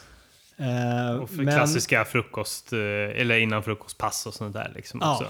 Ja, Spara men- tid också. Ja, men verkligen. Så att jag lever väl halva dagarna. Det är inget Mm. bra nu. Inget Nej. bra hur jag lever nu. Men jag lever halva dagarna ganska med, med, med lite kolhydrater och, Ja. och nyttig mat. Och sen så är jag, nu har jag blivit en, eh, en sån här kvälls eh, lat oxe som typ käkar glass och sånt där Mm. på kvällen. Så det är ju pinsamt alltså. Men jag gör ju så. Det är så jävla gött att smälla i sig en halv liter Ben Jerry eller Ja, liknande. nej, det går liksom ja. inte. Det går, det går inte att um, säga, säga ifrån där. Nej. Men eh, ja, på lopp så var det väldigt strikt då eftersom kosten för övrigt var strikt där i början. Så då var jag väldigt sådär eh, talibansk på det och bara jag drack grädde för att få i mig kalorierna. Jag Mm. käkade ägg, kokta ägg mycket. Hade vi med mig någon sån här makrill i tomatsåsburk. Mm. Käka. Mm. Eh, freak, freakshow. Ja, sådär. ja. Eh, och sen när det rent socialt började bli för jobbigt att hålla i den där kosten. ja. Eh, man blir ju, ja, man, man klassas ju som knäpp och man får nästan bara prata. Det är väl som alla ve- vegetarianer och veganer Ja, och sånt får får göra. Man- bara man, rättfärdiga det. man får bara prata mat. Typ. ja. Men vilka situationer då blev, blev du liksom... Kunde du bli knäppförklarad liksom? Nej, men jag, jag tycker nog om att vara liksom den typen av knäppskalle, så det, det är inte det. Men det, det blir ju konstigt när man kommer hem till farmor. Nu, nu levde farmor och mormor liksom och sådär, så har de lagat mat eller bakat och så bara nej, jag ska inte ha. Nej. Det blir ju dumt. Ja. Sådär. Eh, och sen så är det ju, vi är ju översållade med kolhydratmat överallt. Det finns över, över, överallt. Ja, så så till det. slut så börjar man eh, sluta vara så strikt. Och då är det rätt lätt att man faller tillbaka och så skiter man i det. Så Mm. det var väl det som hände så småningom. Men jag körde ju några år i alla fall jättehårt och så några år till halvhårt. Och nu är jag väl en, nu är jag bara en, nu är jag en slacker igen. Så nu, Ja. nu är det lite vad som helst. Men det som hände med, det som eh, ganska tidigt jag kom fram till vad det gällde eh, mat under lopp så var det att jag ville, jag förstod från början så var det så här, ah, men nu jag vill ha riktig mat om det går och då får man ju ta med sig själv då i många lopp och sen så eh, kom jag fram till att det är för bökigt. Jag vill vara eh, jag, jag tycker inte om scheman, jag tycker inte om massa obligatoriska grejer utan jag vill, jag vill att det ska vara så, eh, ja, jag ska vara så självförsörjande som möjligt. Eller Ja. säga. Och då blev det att eh, lopp där man inte behöver med sig egna grejer, om inte det är obligatoriskt, nej då äter jag det som finns på stationen. Ja. Och så satsar jag på det. Och då får det vara vad det vill. Och vissa grejer är ju då för dåliga. Då går inte det. Men, Vad, vad är för dåligt? Nej men vad kan det vara? Nej men om det bara är M&M's och chips liksom. Eller sådär. Ja. Eller bara köpta bullar eller något sånt Ja. där. Du, du, och man ska hålla på flera dagar. Då, då går Nej, inte det. nej, nej, nej. Då, Men, eh, och, och kan jag välja så jag har support eller supportteam, ehm, då försök, då, då brukar de fixa det, god, riktig mat. Och då kan det vara, eller riktig mat, men, men man kan göra wraps med avokado Ja. eller tonfiskröra. Något som är riktig mat. Eh, det är otroligt gott när det är kallt och man är trött och, och äta en riktigt fet, smörig, gräddig eh, potatissoppa. mm, liksom både fett och protein och kolhydrater och liksom kryddor, pepp, Mm. salt och peppar. Liksom super, super gott. Man kan bälja i sig mycket kalorier på bara några minuter. Um, ja, vad, mera goda saker. Ehm, det, det är ju, man kan ju fantisera innan att ja, men det skulle vara gott med en hamburgare sen. Så, men det, är svår, det brukar vara svårt att tugga och svälja Ja. faktiskt. Soppor är bra. Eh, pasta kan ju vara bra kanske med mycket, om man får sås på. Mycket fet sås är ju bra. Ehm, sen så om det, är, om det är dropbags och jag måste fixa något själv, då brukar jag köpa köttbullar kanske i burk. Alltså konservburkar. ja, just det. Eller Mm. ravioli. Det är inte gott. Men det är ju ändå något som man fyller magen med. Det är Ja. gott att fylla magen med något som inte bara gälls och sportdryck. Det är, Nej, precis. Vad, vad tror du är den största fördelen? Är det liksom... eh, Är det att det rent är bättre för kroppen att få i sig riktig mat eller är det mer men- mentalt att bryta av från den här sliskiga, snabba energin? Jag tror att det kan vara flera saker. Jag tror att det, man, det finns ju de som tycker det funkar utmärkt och presterar jättebra på bara gälls och sportdryck. Så att, eh, inget, inget ont om det. Men för mig så är det en trygghet att fylla magen med något. Jag kommer faktiskt ihåg när jag drack mycket grädde förr i tiden. Då, då, då vispar man ju grädden. när man har druckit fem deciliter grädde. Så springer man. Det, blir, det kändes som det vispades i magen så man fick jättemätt jättelänge. Ja, shit. Ja, Jag älskar ju grädde så jag skulle nog inte ha någonting emot det där. Jag kan ju sitta och med en bunke och bara sleva i mig. Alltså, Ja, det är inga Ja, konstigheter. men det så grädde är bra. Ja. Eh, mycket kalorier. Ja. Ehm, nej, jag tror båda funkar. Men ska man hålla på... Om man inte är van att dricka sportdryck, vilket jag tror väldigt få människor är, liksom flera dygn i sträck eller Mm. sådär. Och, och äta, bara äta gels. Då, är- om man är ovan vid det och inte har testat det, då tror jag att det är dumt att chansa på det första gången. Då är det nog bättre att, att bre mackor eller käka Ja. köttbullar. För att det är inte så mycket som är gott när man är jättetrött. Man vill egentligen inte äta alls, utan man måste tvinga sig att äta för att man vet att man är en maskin som behöver bensin. Precis. Och, och då, då, då måste man ha något som, som kroppen är lite van vid tror jag. Mm. Det farliga är ju att man är trött på gel, sportdryck och så bara vill man bara ha vatten. Liksom, och så dricker man bara vatten och vatten. Ja. Och då är det liksom... Då är man ju doomed, skulle man kunna säga. nej men precis så. Eh, Det är farligt med för mycket vatten. Ja, Farligt med för lite vatten också. Men ja absolut. det, där, eh, det där brukar kroppen skrika efter vad den vill ha faktiskt, tycker jag. Mm. Ni pratade om att borsta tänderna Ja, i förra avsnittet. ja, ja Det min tycker jag- kompis skrattade åt mig tyckte jag var helt eh, blåst. Nej, men det är, det är en uh, Rune Larsson-grej som, som jag verkligen har tagit fasta på. Att få kunna borsta tänderna på långa lopp Ja, och, och rensa ut då allt kladdigt socker om det Ja. nu är det och, och liksom rensa ur kolhydratssignalerna. Det är Runes tes och jag tror att det ligger mycket i det att man liksom rensar ur det här med att man har hjärnan tror att man är eh, proppmätt och full av kolhydrater eller har energi för munnen smakar kolhydrat. exakt. Munnen smakar socker, men man kanske behöver jättemycket energi. Mm. Liksom, så man lurar hjärnan där. Så borsta tänderna kan vara ett sätt att få bort det. En annan sätt är ju faktiskt att, att skölja munnen med whisky eller något starkt. Liksom, Mm. För att bryta av och, Ja. och chocka hjärnan. Ja, men nu, vart nu måste vi nog äta mat här. Mm. Ja, exakt. Nej, men det, eh, som jag också pratade om förra avsnittet. Jag har ju fått så här, när jag kört Vasaloppet så har jag också fått eh, apelsinklyftor. Mm. Det har jag tyckt, tyckt har varit en ganska eh, bra avbrott från det här trycka gälls, sportdryck, bullar, bla bla bla. Få i sig någonting som är lite fräscht också. Det är väl, Ja. Och det, det fick mig att känna en, åter en, någon sorts aptit liksom. Ja. Så kanske, ja, det är väl en bra grej att hitta de här triggergrejerna liksom, som får igång det igen och som bryter av. Verkligen. Som tandborstning. Som tandborst. Ja, men återigen, liksom, hitta det som funkar för dig. Det är Ja. det som är nå- något som kan trigga någon form av sug efter att äta. För det är ju det, det är ju lätt. Om man är trött i kroppen, vilket man blir om man håller på länge, Mm. eh, så, så är det ju såklart jätteviktigt att fylla på med bränsle. Och, och det vill man inte när man är trött, utan det måste man ju tvinga sig själv till. Och, ja, men hitta, något, hitta något som går att få i sig bara. Så mycket Mm. kalorier. Och är det Snickers, så ta Snickers då. Mm. Eh, koffein då? Vad säger du om det då? Är det någonting du eh, vill trycka Koffein. i dig något upp av? Ja, det är, alltså, kaffe vill man ju ha. Ja. Eh, Men det är ju, jag dricker ju normalt kaffe så det händer ju inget. Det enda som händer om man inte dricker kaffe, om man dricker normalt Ja. kaffe, är att man får ont i huvudet. Så man måste ju typ... Ja.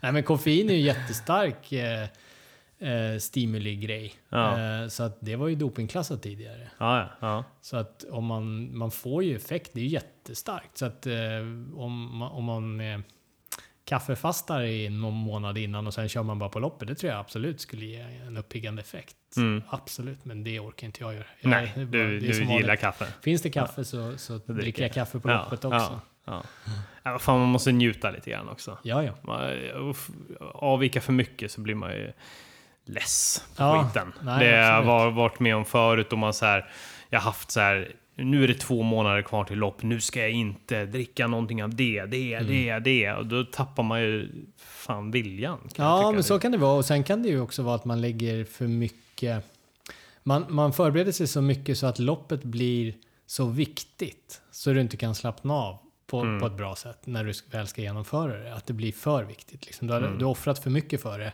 och då blir det en jättebesvikelse om det inte går som du har tänkt. Och Mm. ultralopp går väldigt sällan som man har tänkt. Det måste man ha klart för sig. Det blir ofta en besvikelse. För man håller på så länge och det är, Mm. Ja. så mycket som kan gå fel. Så att eh, eh, jag, tror att det, jag tror att det kan vara bra att ha ett mer avslappnat synsätt på om det nu är Kullamannen man ska hålla på i 30 timmar så ställ in det på att det är det istället. Det, det spelar de där 10 procenten som eventuellt en elitsatsande träning i 10 veckor innan skulle ge. Det är inte det som kommer vara avgörande. Det avgörande är om du rör dig framåt kontinuerligt i 30 timmar. Om du kommer i mål på 29.50 eller 30.10. Det kommer inte vara avgörande. Nej.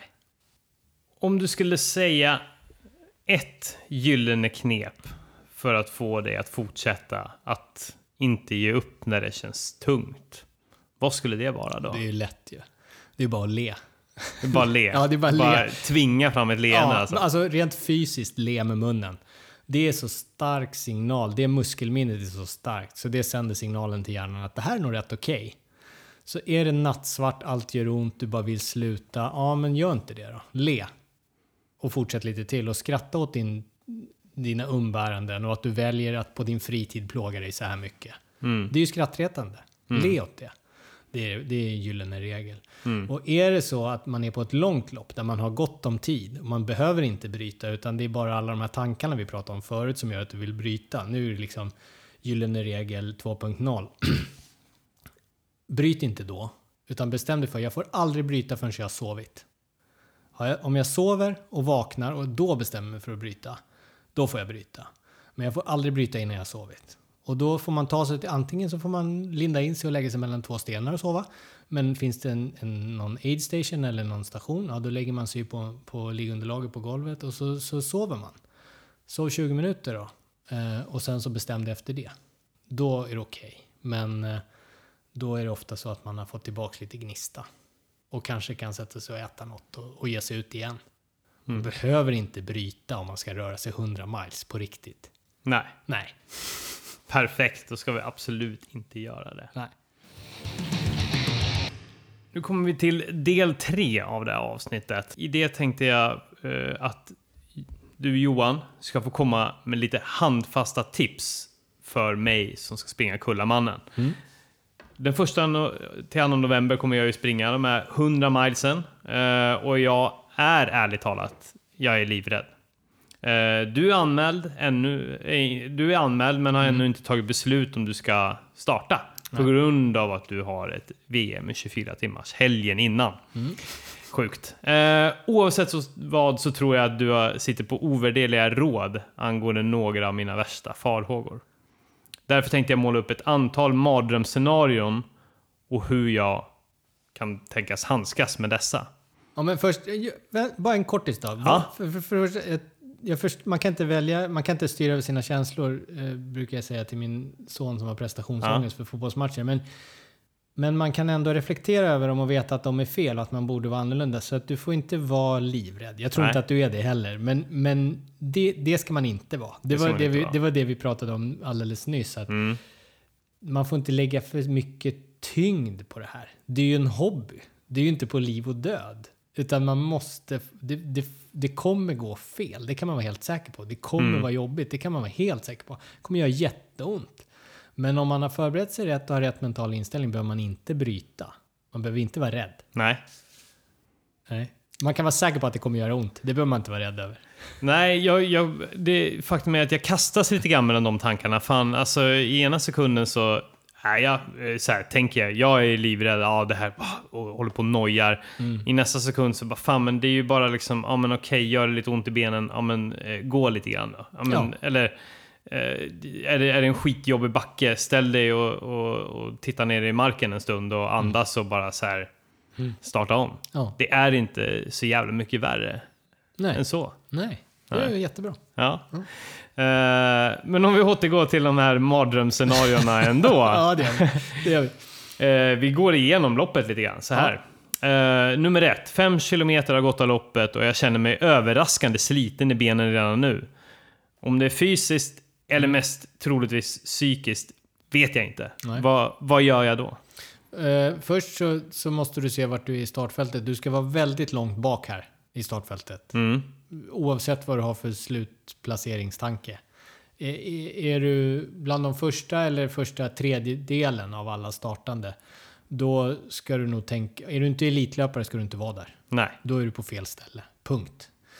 Eh, Men om du känner att det börjar bli jobbigt efter 5 kilometer, då tror jag att då har du kanske sovit för lite eller ätit för dåligt eller, eller så sitter det i huvudet bara. Och då ska man inte vara rädd för det. För att då kan man ju tänka, att det var ju synd att det kom redan nu. Men jag vet ju att det kommer komma sen ändå, så det spelar ju ingen roll. Ja. Det, det är bara att jag får ha lite trött i benen lite tidigare. Ja.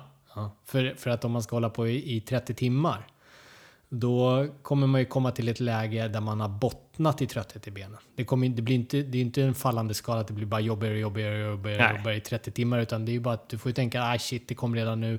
Ja, då får jag några timmar till när det är som jobbigast, men det är okej. Mm. Jag har längre tid att vänja mig vid det helt Ja, enkelt. jättebra. Ja, så det är en fördel. Nej, det Så var skönt kommer- att det kom redan nu, så då, Ja. då vet jag hur det känns. Ja, precis. Ja, exakt. Så nu har jag tid att bearbeta det de kommande eh, 17 milen. Ja, eller det vänja, vänja mig över det. Ja, exakt. Ja, ja. exakt. Eh, 55 kilometer har gått och det börjar knorra sig i magen och ett lätt illamående smyger sig på. Mm. Jag känner ingen aptit och jag börjar tumma på mitt kostupplägg. Mm. Hur orolig behöver jag vara? Ja, men då tror jag att man ska backa hem lite och kanske...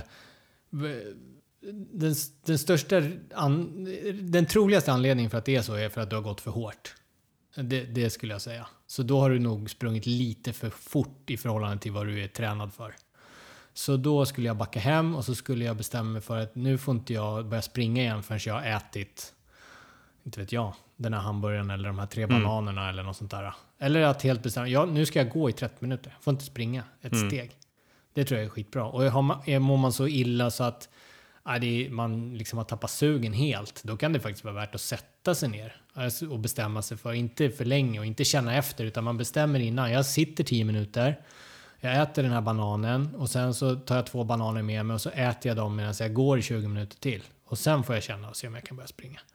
Men rimligen om du börjar må illa och känner dig sådär, nej nu, nu kan jag inte äta och jag har ingen aptit, då, är det, då har det gått för hårt. Har du, har du mått riktigt jävla illa någon gång? Eh, Ja, absolut. Jag brukar må riktigt illa om det är varmt och jag går för hårt. Då blir Ja. det, men, men det är ju en utmatt, för mig är det ett, liksom ett utmattningssyndrom. Att man inte... Man, man har gått för hårt i förhållande till hur tränad man är för just det klimatet. Eller, Mm. eller sådär. Så att eh, jag tror ingen, ingen, på, ingen på startlinjen på Kullamannen, kom, om, de, om de går de där 55 kilometerna skulle må illa då efter Nej. 55 kilometer. Så det är inte något annat än att man har sprungit för fort för, i förhållande till sin förmåga. Mm. Mm. Och nu har vi kommit 75 kilometer in i loppet. Och PGA ett slarvigt strumpval och blöt terräng började skava på stortån. Vad bör jag ha i väskan för att undvika detta på förhand, men hur hanterar jag också krisen när den uppstår? Mm, jag, tror, jag brukar smörja in mina fötter innan med något riktigt fett. Någon salva, så här fotsalva. Jag vet inte vad. Men någonting som är eh, riktigt smetigt och kladdigt. Och sen så sätter jag på strumporna efter det. Mm. Och sen brukar jag inte byta strumpor om det är ett lopp som tar ett dygn eller så. Men eh, är det flera dygn så får man väl göra om proceduren egentligen. Då har man möjlighet så byter man ju strumpor samtidigt som man sätter på en ny smet. Har man inte samma strumpor, ja då får det vara samma strumpor. Men Mm. eh, det skulle jag göra som en förberedelse. Mycket fett på fötterna och sen på med strumporna. Jag har alltid tåstrumpor, det tycker jag är helt överlägset. Då har varje liten tå en liten ficka att bo i. Ja, det är så. Då blir det, blir det mindre skav då sådär. Liksom, eller vad Ja, för som... mig blir det det i alla fall. Då, Ja. ligger ju, då är det inte hud mot hud på, mellan några tår, utan då är det ju alltid tyg mellan tårna. Ja. Det funkar superbra för mig. Eh, får man... Får man något som man känner är... Eh, som kommer bli värre innan, den, innan man kommer i mål då. Och Nu, har man hållit på 10 timmar och 20 timmar kvar, då är det rimligt att göra någonting åt det, precis som du var inne på. Yes. Men eh, jag, jag brukar då fixa det, alltså tejpa det. Mm. Men då, då är det ju bra om man vet lite hur man tejpar fötterna så att de håller ihop så man inte gör det värre. Nej, precis. Så jag vet inte riktigt hur vi ska ta det i sån här poddformat. Men, men, men man kan... Eh, är det på tårna och så, Ja. så tycker jag inte man gör någonting. Då får man stå ut. Ja. Det som kommer hända är att tårnas, eller blåsan på tårna kommer svälla tills den sprängs. Ja. Och då kommer det vara skönt ett tag, sen kommer det börja byggas en ny blåsa. Så kommer det göra ont och så kommer den sprängas. Det är okej. om En man ska- ständig loop. Ja, det är Ja. okej om man ska springa i drygt ett dygn. Mm. Eh, får man liksom på hälen eller under fötterna, där det kanske potentiellt finns en risk att det faktiskt inte går att fortsätta för att det gör så ont. Eh, då, då kan man ju behöva dränera dem. Eh, man, kan, man kan sy i en tråd som man låter sitta kvar av natur, natur, naturmaterial. Då kommer den blåsan dräneras kontinuerligt och läcka ut. Fukten från den blåsan, eller liksom sårvätskan, kommer kontinuerligt dräneras och läcka ut i strumpan så att det inte byggs upp någon ny blåsa. Det kan vara funka. Och har det gått hål, då måste man göra ett avlastningsförband. Alltså bygga en ring av något runt själva såret om det är på hälen. Och sen padda in det och sen sätta på strumpa. Eh, och man kan ju padda in det jättemycket. Det, det finns ju sådana här sår eh, patches med, som är för brännsår och sånt som är det absolut Mm. bästa. Men jag menar hur, hur avancerad bör man Ja. vara? Jag vet inte. men men man, kan alltid hitta, man kan alltid hitta på sätt för att liksom lyckas lappa ihop sig Täppa själv så man kan komma där. vidare. Ja. Men eh, ofta på, på ultralopp så finns det ju människor som, som har erfarenhet som man säkert kan fråga och be om hjälp. För det, svårt, det kan vara svårt att komma åt själv också om man är... Och man har inte med sig så mycket normalt. Utan det bästa är väl att ta sig till en station eller något där, Ja, det finns, precis. där man kan få lite hjälp med sax och binda och sådär. Ja. Mm. Ja, precis. Eller som du sa, snacka med löpare runt sig. Ja. Det finns säkert massa människor som har sina egna små aids kits, i, i väskan. Jo, det, Det är väl det som är härligt också med ultralopp, att det är otroligt normalt mycket familjär stämning. Ja. Man vill hjälpa varandra. Nästan mer än att lyckas själv så, så upplever man ju att ja, man vill verkligen att alla andra ska lyckas. Ja, att, eh, exakt. Och nu har vi kommit 111 kilometer in i loppet. Jag Ja. stapplar in i Mölle för första varvningen. Kall och påtagligt övertrött. Det är varmt och skönt inne på Grand Hotel. Mm. Och bryter jag så får jag en snygg Broken Arrow t-shirt. Mm. Hur ska jag tänka för att ge mig ut på ytterligare ett varv i mörkret? Och vad bör jag göra vid varvningen för att få en ny start? Ja, vilken bra fråga. Jag Mm. skulle säga som Rune Larsson, det är så här greppa, stick, drick. Man ska inte vara, där inne. Inte reflektera så länge. Nej, men, men det, det är ju också lättare sagt än gjort. Det är ju ofrånkomligt på något sätt. Men jag tror att man ska ha bestämt sig innan. Och man ska ha bestämt sig så hårt innan vad man ska göra där inne i värmen. Så att man också vet att när jag väl är där så kommer jag förhandla med mig själv om att inte göra så. Jag kommer Mm. förhandla om att vara där längre eller göra mera saker eller vara helt övertygad om att jag måste, måste lägga om mina skavsår vi pratade om nyss. Jag måste ha ett nytt förband kommer jag bestämma för att det måste jag rimligen ha. Jag måste ha nya strumpor säkert. Jag måste säkert tvätta mig på överkroppen och byta t-shirt och sådär. Man behöver inte göra det om man är ute ett dygn eller två. Nej. Om man nu vill göra en bättre tid. Om man är rädd för att den här comfort zonen som det blir på riktigt kan få mig att bryta. Sätt dig inte i den situationen då. Du kommer, om, om, det skulle vara så skönt att byta t-shirt. Ja. Men då ska jag vara medveten om att det t-shirtbytet kan göra att, det, att jag får en varm filt på min nakna hud som gör att det tar 10 minuter till. Och det kanske gör att jag somnar, vilket gör att det Mm. kanske är en timme. Ja, men du vet. Det blir lätt, jättelätt att övertyga en trött hjärna om att det finns eh, mer att tjäna på att stanna inne än att gå ut i regnet och rusket Mm. och, och plågan igen. Eh, och, och att man förbereder sig på att det kommer kännas så. För Mm. det kommer det göra. Mm. Så ha en plan för vilka saker man får göra där inne. Bara göra dem, inget annat. Ja. Och det är lättare sagt än gjort såklart. Men det det handlar om är ju att om man har en torr t-shirt och man är dyngsur och, och kall, ja byt. För tusan byt. Har du en extra regnjacka som inte är blöt längre, nej men sätt, häng, den, häng, häng din sura på tork. Så den kanske är torr till nästa varv, inte vet jag hur det ser ut där. Sätt på en ny t-shirt och så en regnjacka och så ut igen. Uh, käka, käka, käka. Det är Mm. jätteviktigt. Eh, om man vill, om man vill eh, göra ett bra resultat så tror jag hela tiden att man ska göra något som har ett syfte för loppet. Och vad finns det för syfte? Röra sig framåt, det är ju tydligt. Då kommer jag närmare mål. Det, det behöver man inte fundera på. Ja, tanka bilen, liksom, äta mat. Det är också ett syfte. Mm. Eh, Byta tröja, sätta på sig nya strumpor och, och vad det nu kan vara. Ja, det finns, det är ju tveksamt, men det är ändå ett syfte. Men att bara sitta ner, det är inget syfte. Nej. det tar dig inte närmare målet. Så att hela liksom försöka hitta en sån checklista. Är det här, tar det här mig närmare målet, då får jag göra det. Gör det inte det, äh, då, är det nog, eh, då är det nog bara en fara för att det är ett sätt att, att tvivla på att jag kommer klara det. Så ta det därifrån. Du kommer ju all, det finns ju in, jag lovar och svär, det är väldigt få som bryter Kullamannen ute i dödens zon. Nej, precis. Alla bryter väl inne inomhus, Ja. skulle jag tro.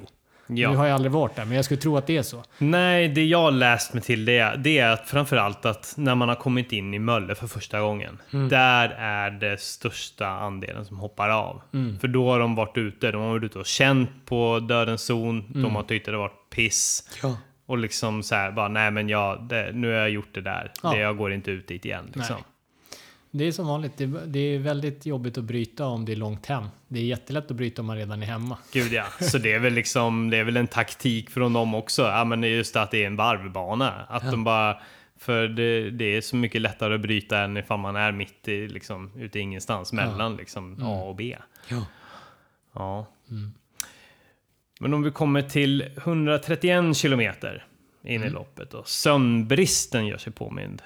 Som vi har pratat om. Och, där nu, och det jag skrivit är, jag börjar hallucinera och tappa fokus under uppgiften. Men hallucinera, det, det är ju nästa steg. Nej men hägring, ta hägring. kan du- Hägring. hägring kan jag, börjar hä, jag börjar hägra, kan Ja. man säga så? Och tappa, och ta, jag, jag börjar se hägringar och tappa fokus från uppgiften. Eh, precis. Hur orolig bör jag vara och vad kan jag göra åt det? Det har vi ju gått in på lite grann. Ja, men- det har vi absolut. Nej, men jag tycker att då, då ska man... Uh, börjar, man börjar man känna så, så tycker jag att det är vettigt att ehm, fundera på om man kan sova. Mm. Absolut. Mm. Men ehm, är det möjligt och, och det är rimligt att ta sig till inomhus innan man gör det så är det ju supermycket bättre. Mm. Såklart. Mm. Eh, Men det går jättebra att sova i skogen också, även om det är kallt. Bara, men då måste man ha med sig någon liten sån aluminiumfilt eller något att vira in sig i. Precis. Eh, Och, och, och man ska inte lägga sig och sova innan man känner att man är så trött som man somnar på tre sekunder. Då är det Mm. ingen vits. Och det är väldigt bra att lägga, eh, ha, ha ett armbandsur eller någon typ av alarm som man lägger vid örat och så sätter man den på 10 minuter eller 15 minuter så det piper till. I, kanske inte för att det spelar någon roll hur länge du sover, men, men jag menar det är ju, det är ju det är inte schysst mot arrangörer eller mot andra att, att vara, försvinna sovandes i skogen. Det, det, de kan ju behöva Nej. börja leta efter en. Så att, men, och man behöver inte sova så mycket för att i alla fall få några timmar som vi har pratat om tidigare. Där hjärnan är okej igen och då hinner du ta dig till Mölle och så hinner du sova på, i, i tryggt, Mm. tryggt läger. Ja. Men, Sen- sen men, är- jag tror, men jag tror om du känner sådär, man, man behöver inte vara rädd för att bli sådär trött. Absolut inte. Ehm, för att det krävs så lite för att ta dig tillbaks. Alltså om, om du sover 10 minuter eller drar till med 20 då, det spelar ingen roll. Så, så kommer du säkert ha 5-7 timmar liksom för det. Ja. Ute på banan sen. Mm. Sen är frågan, det, det kanske inte... Risken kanske inte är jättestor när det ändå det rör sig. Vi säger att man är ute där och klockan är kanske sex på morgonen. Man har kanske varit ute i ett dygn kanske eller något sånt där. Vad det nu Mm. kan bli så kanske det inte är så här, Klart det kan finnas risk att man börjar, ja, att det, tröttheten gör sig påmind. Mm. Men det kanske inte är, är så stor chans ändå att det blir så allvarligt när det ändå är så pass kort. Du kommer aldrig, aldrig behöva uppleva det som jag beskrev tidigare. Nej, det behöver, kommer behöver du sen. inte vara orolig för. Nej, nej, Nej. för tusan. Det är först, först möjligtvis tredje dygnet. Ja, Knappt då. nej. Och så, så för lång, tid får ju inte Kullamannen ta Nej. än. Så. Nej. men det kan fortfarande vara så att man får en, en, en boost av eh, att sova 10 minuter. Mm. Ja, för att det blir en otrolig skillnad om man har provat det. Alltså du kan gå från nattsvart till att du ser hoppet. Och, Mm. och då kan det vara värt att testa faktiskt. Mm. Mm. Så kom ihåg det, aldrig, aldrig bryta innan man har sovit. Det är Nej. förbjudet. Nej, Mm. skitbra. Mm.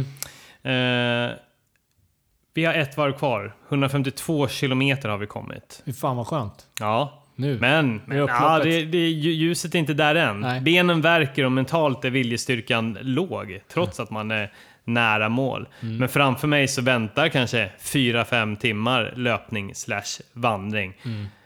hur hittar jag den lilla sista pushen för att motivera mig själv till avsluten då när det ändå är den tid, det tidsspannet kvar? Dels så tror jag att den där, den är ganska hypotetisk den där frågan, för jag tror att har du väl kommit ut på sista varvet, då är det jäkligt få som bryter tror jag. för då är du liksom... Men jag är ju inomhus i Mölle. Ja, du är inomhus emellan. Ja. Okej. Mm, nej, det är ju svårare. Ehm, vi... Man kan väl, kan man be de som är där att sparka ut den eller? Ja, I förväg? kommer jag in Och här vid få- M52 och försöker få, kan ni då fysiskt Ja, men man, kan- ut ja, mig? ja, ja, det fungerar ju. Alltså, jag brukar vara lydig när jag är sådär Ja. så, så att jag gör ofta som supporter, Ja. den typen av personer säger. Så att det kan ju vara, om, om man vet att man funkar så, så kan man väl preppa dem att när jag säger att jag vill bryta när det är ett varv kvar, så påminn mig om att jag verkligen inte ville det nu när jag Mm. var pigg. Så Mm. då kan, en sån sak kan jag faktiskt, kommer ihåg vad du sa? Du har i alla fall lovat att du får aldrig bryta inomhus. Jag får bara bryta om det krävs ute på loopen. Ja. Så gå ut och så får du bryta då ute på loopen någonstans. Mm. Då har du i alla fall kommit ut genom dörren. Det är ju det som är hindret här. Är du, utan, är du utanför dörren så lär du ju absolut fortsätta. För då, då blir det så tydligt vad, vad ditt mål är. Och då finns det bara en utväg och det är att gå hela vägen i mörkret tills du kommer i ljuset i tunneln och det är målet. Men det är ju det där jäkla skiten att du har en nödutgång i tunneln varje gång du kommer inomhus och är i Mölle. Mm. Då finns det en snabb väg ut. Liksom. Men bara du har gått in i tunneln igen så finns det bara en väg ut och det är nästa varv. Det som är bra är att min, jag har min farsa som kommer vara på plats. Mm. Så jag kan ju ganska tydligt instruera honom. Han är ganska bra på att... Jag ringde honom en gång när jag, min cykel hade gått sönder på Vätternrundan. Klockan var fem på morgonen. Mm. Och jag bara, jag, jag skiter i det här. Jag ringde honom fem på morgonen. Bara, jag skiter i det här jävla helvetet. Mm. Så han bara så här, nej, skärp dig, gå och fixa cykeln, fortsätt, gör det nu. Ja.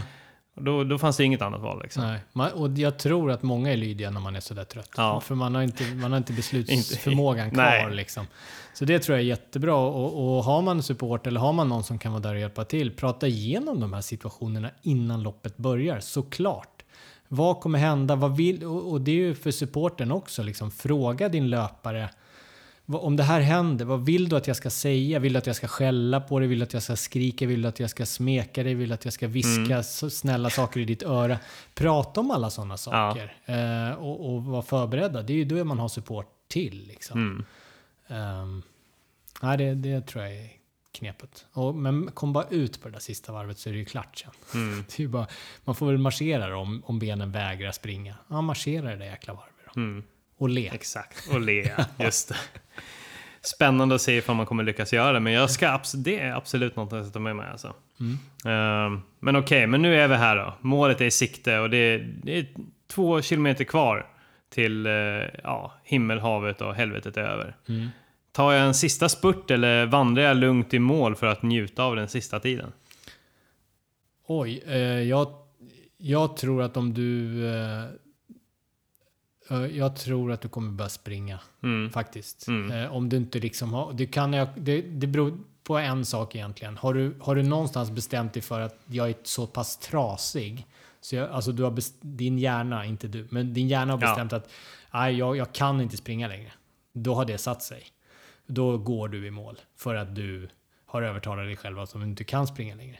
Men om du har joggat och vandrat och gått och joggat och sådär och du, då får du målvittring. Då kommer du börja springa och så kommer du känna att jag kan ju, vad är det här? Jag kan ju fortfarande springa. Varför har jag inte gjort det mer? Och så kommer det gå fortare och fortare. Yes. Och så kommer du få på en spurt. Det tror jag absolut. Det har hänt mig många gånger att jag liksom har stapplat fram i bergen och så, ah, nu är det bara fyra mil kvar. Liksom, det är bara en maraton. Fan, Jag kan börja springa liksom. Och så gör man det och så blir det bara bättre och bättre mot slutet. Men har man bestämt sig för att ah, jag är trasig, då går man hela vägen. Ja. Vi får se var vi hamnar där alltså. Hoppas du får spurten. Ja, Jag det, du det, ja men den, jag gillar den ändå. Ja. Uh, Det är ändå en löptävling oavsett. Ja. Så att eh, kan man springa i mål så är det ju snyggt. Absolut. Men nu har jag tagit mig i mål. Och hur tycker du att jag ska fira min bragd? Ja, det... det man får, får man något pris eller? Man Pris till får, man, man får en fin ring ju. Jaha, Ja, coolt. ja, Jo men det har jag sett ja. ja. Ja men den är, den är ju fräck. Den är mäktig. Ja men då, Ja. Det, det är ju en tillfredsställelse. Men, men normalt när man har gjort något sånt där som är så extremt på gränsen för vad man klarar av. Så brukar ju bara eh, belöningen att få vara still. Att inte längre vara på väg. Att inte Mm. längre plåga sig. Det brukar ju vara den mest... Fira med att stå helt still. Ah, fira med att sitta. Ja, jag. sitta. gärna, liksom, och, och liksom ännu hellre då, ja, först bara sitta, kanske få en filt på sig och bara sitta. Och, Ja. och är man sugen kanske få en öl i handen och sippa på den.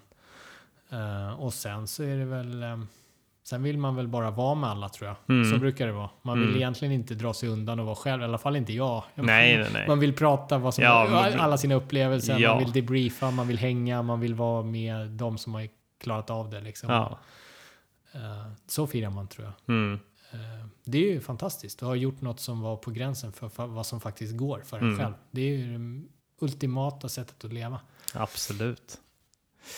Ja, men för, för att liksom avsluta deppigt. Om jag av någon anledning hoppar av loppet, hur ska jag trösta mig själv i ett misslyckande?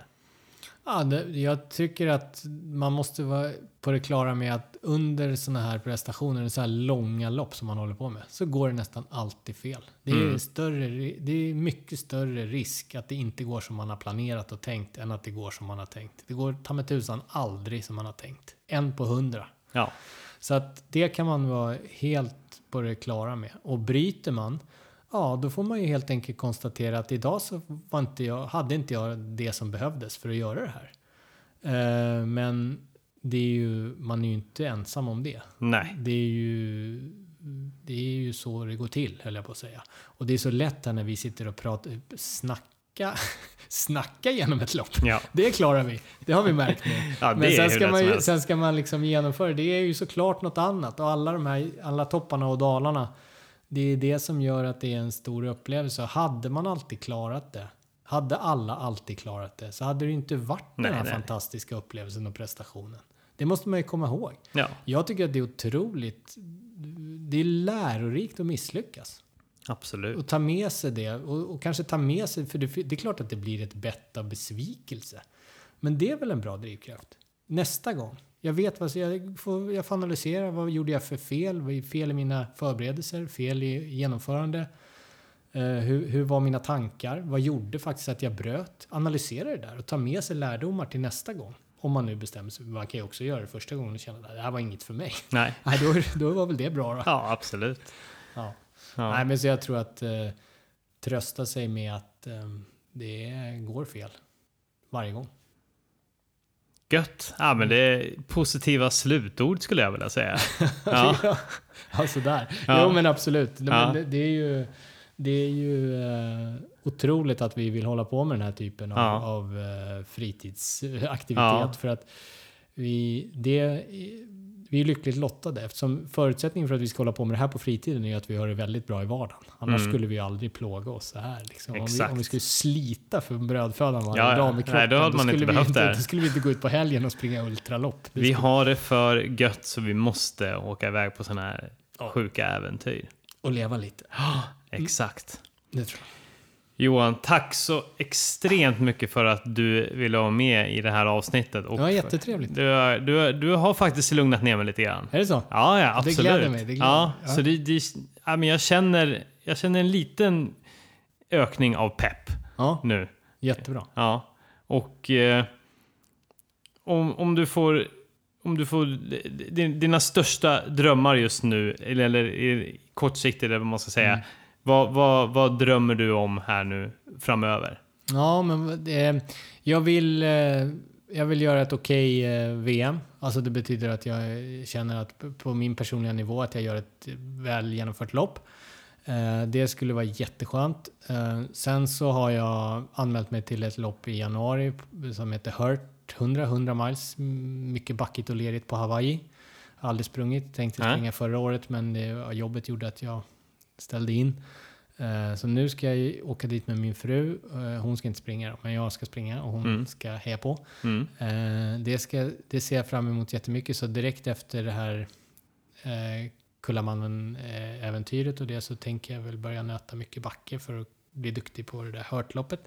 Och sen så hoppas jag innerligt att jag får chansen igen att springa Barkley Marathons. Ja, det är mitt liksom, det är min stora hang-up på det här. Jag klarar aldrig det där loppet och jag vill så gärna, gärna klara det.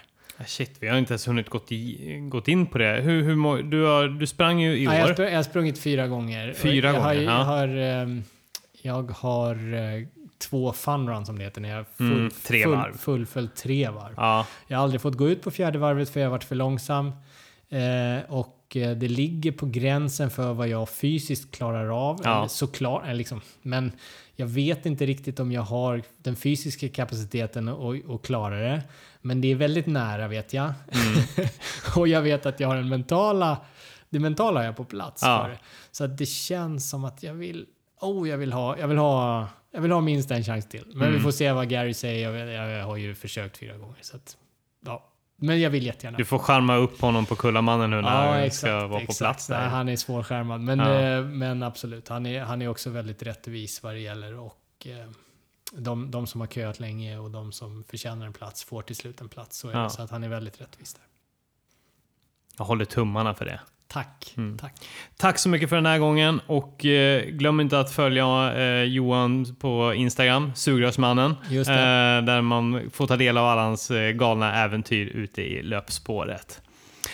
Ha det så jävla bra nu så, eh, och håll tummarna för oss båda att vi eh, överlever Kullamannen om två veckor. Yes. Ha det gött! Ha det gött. Hej.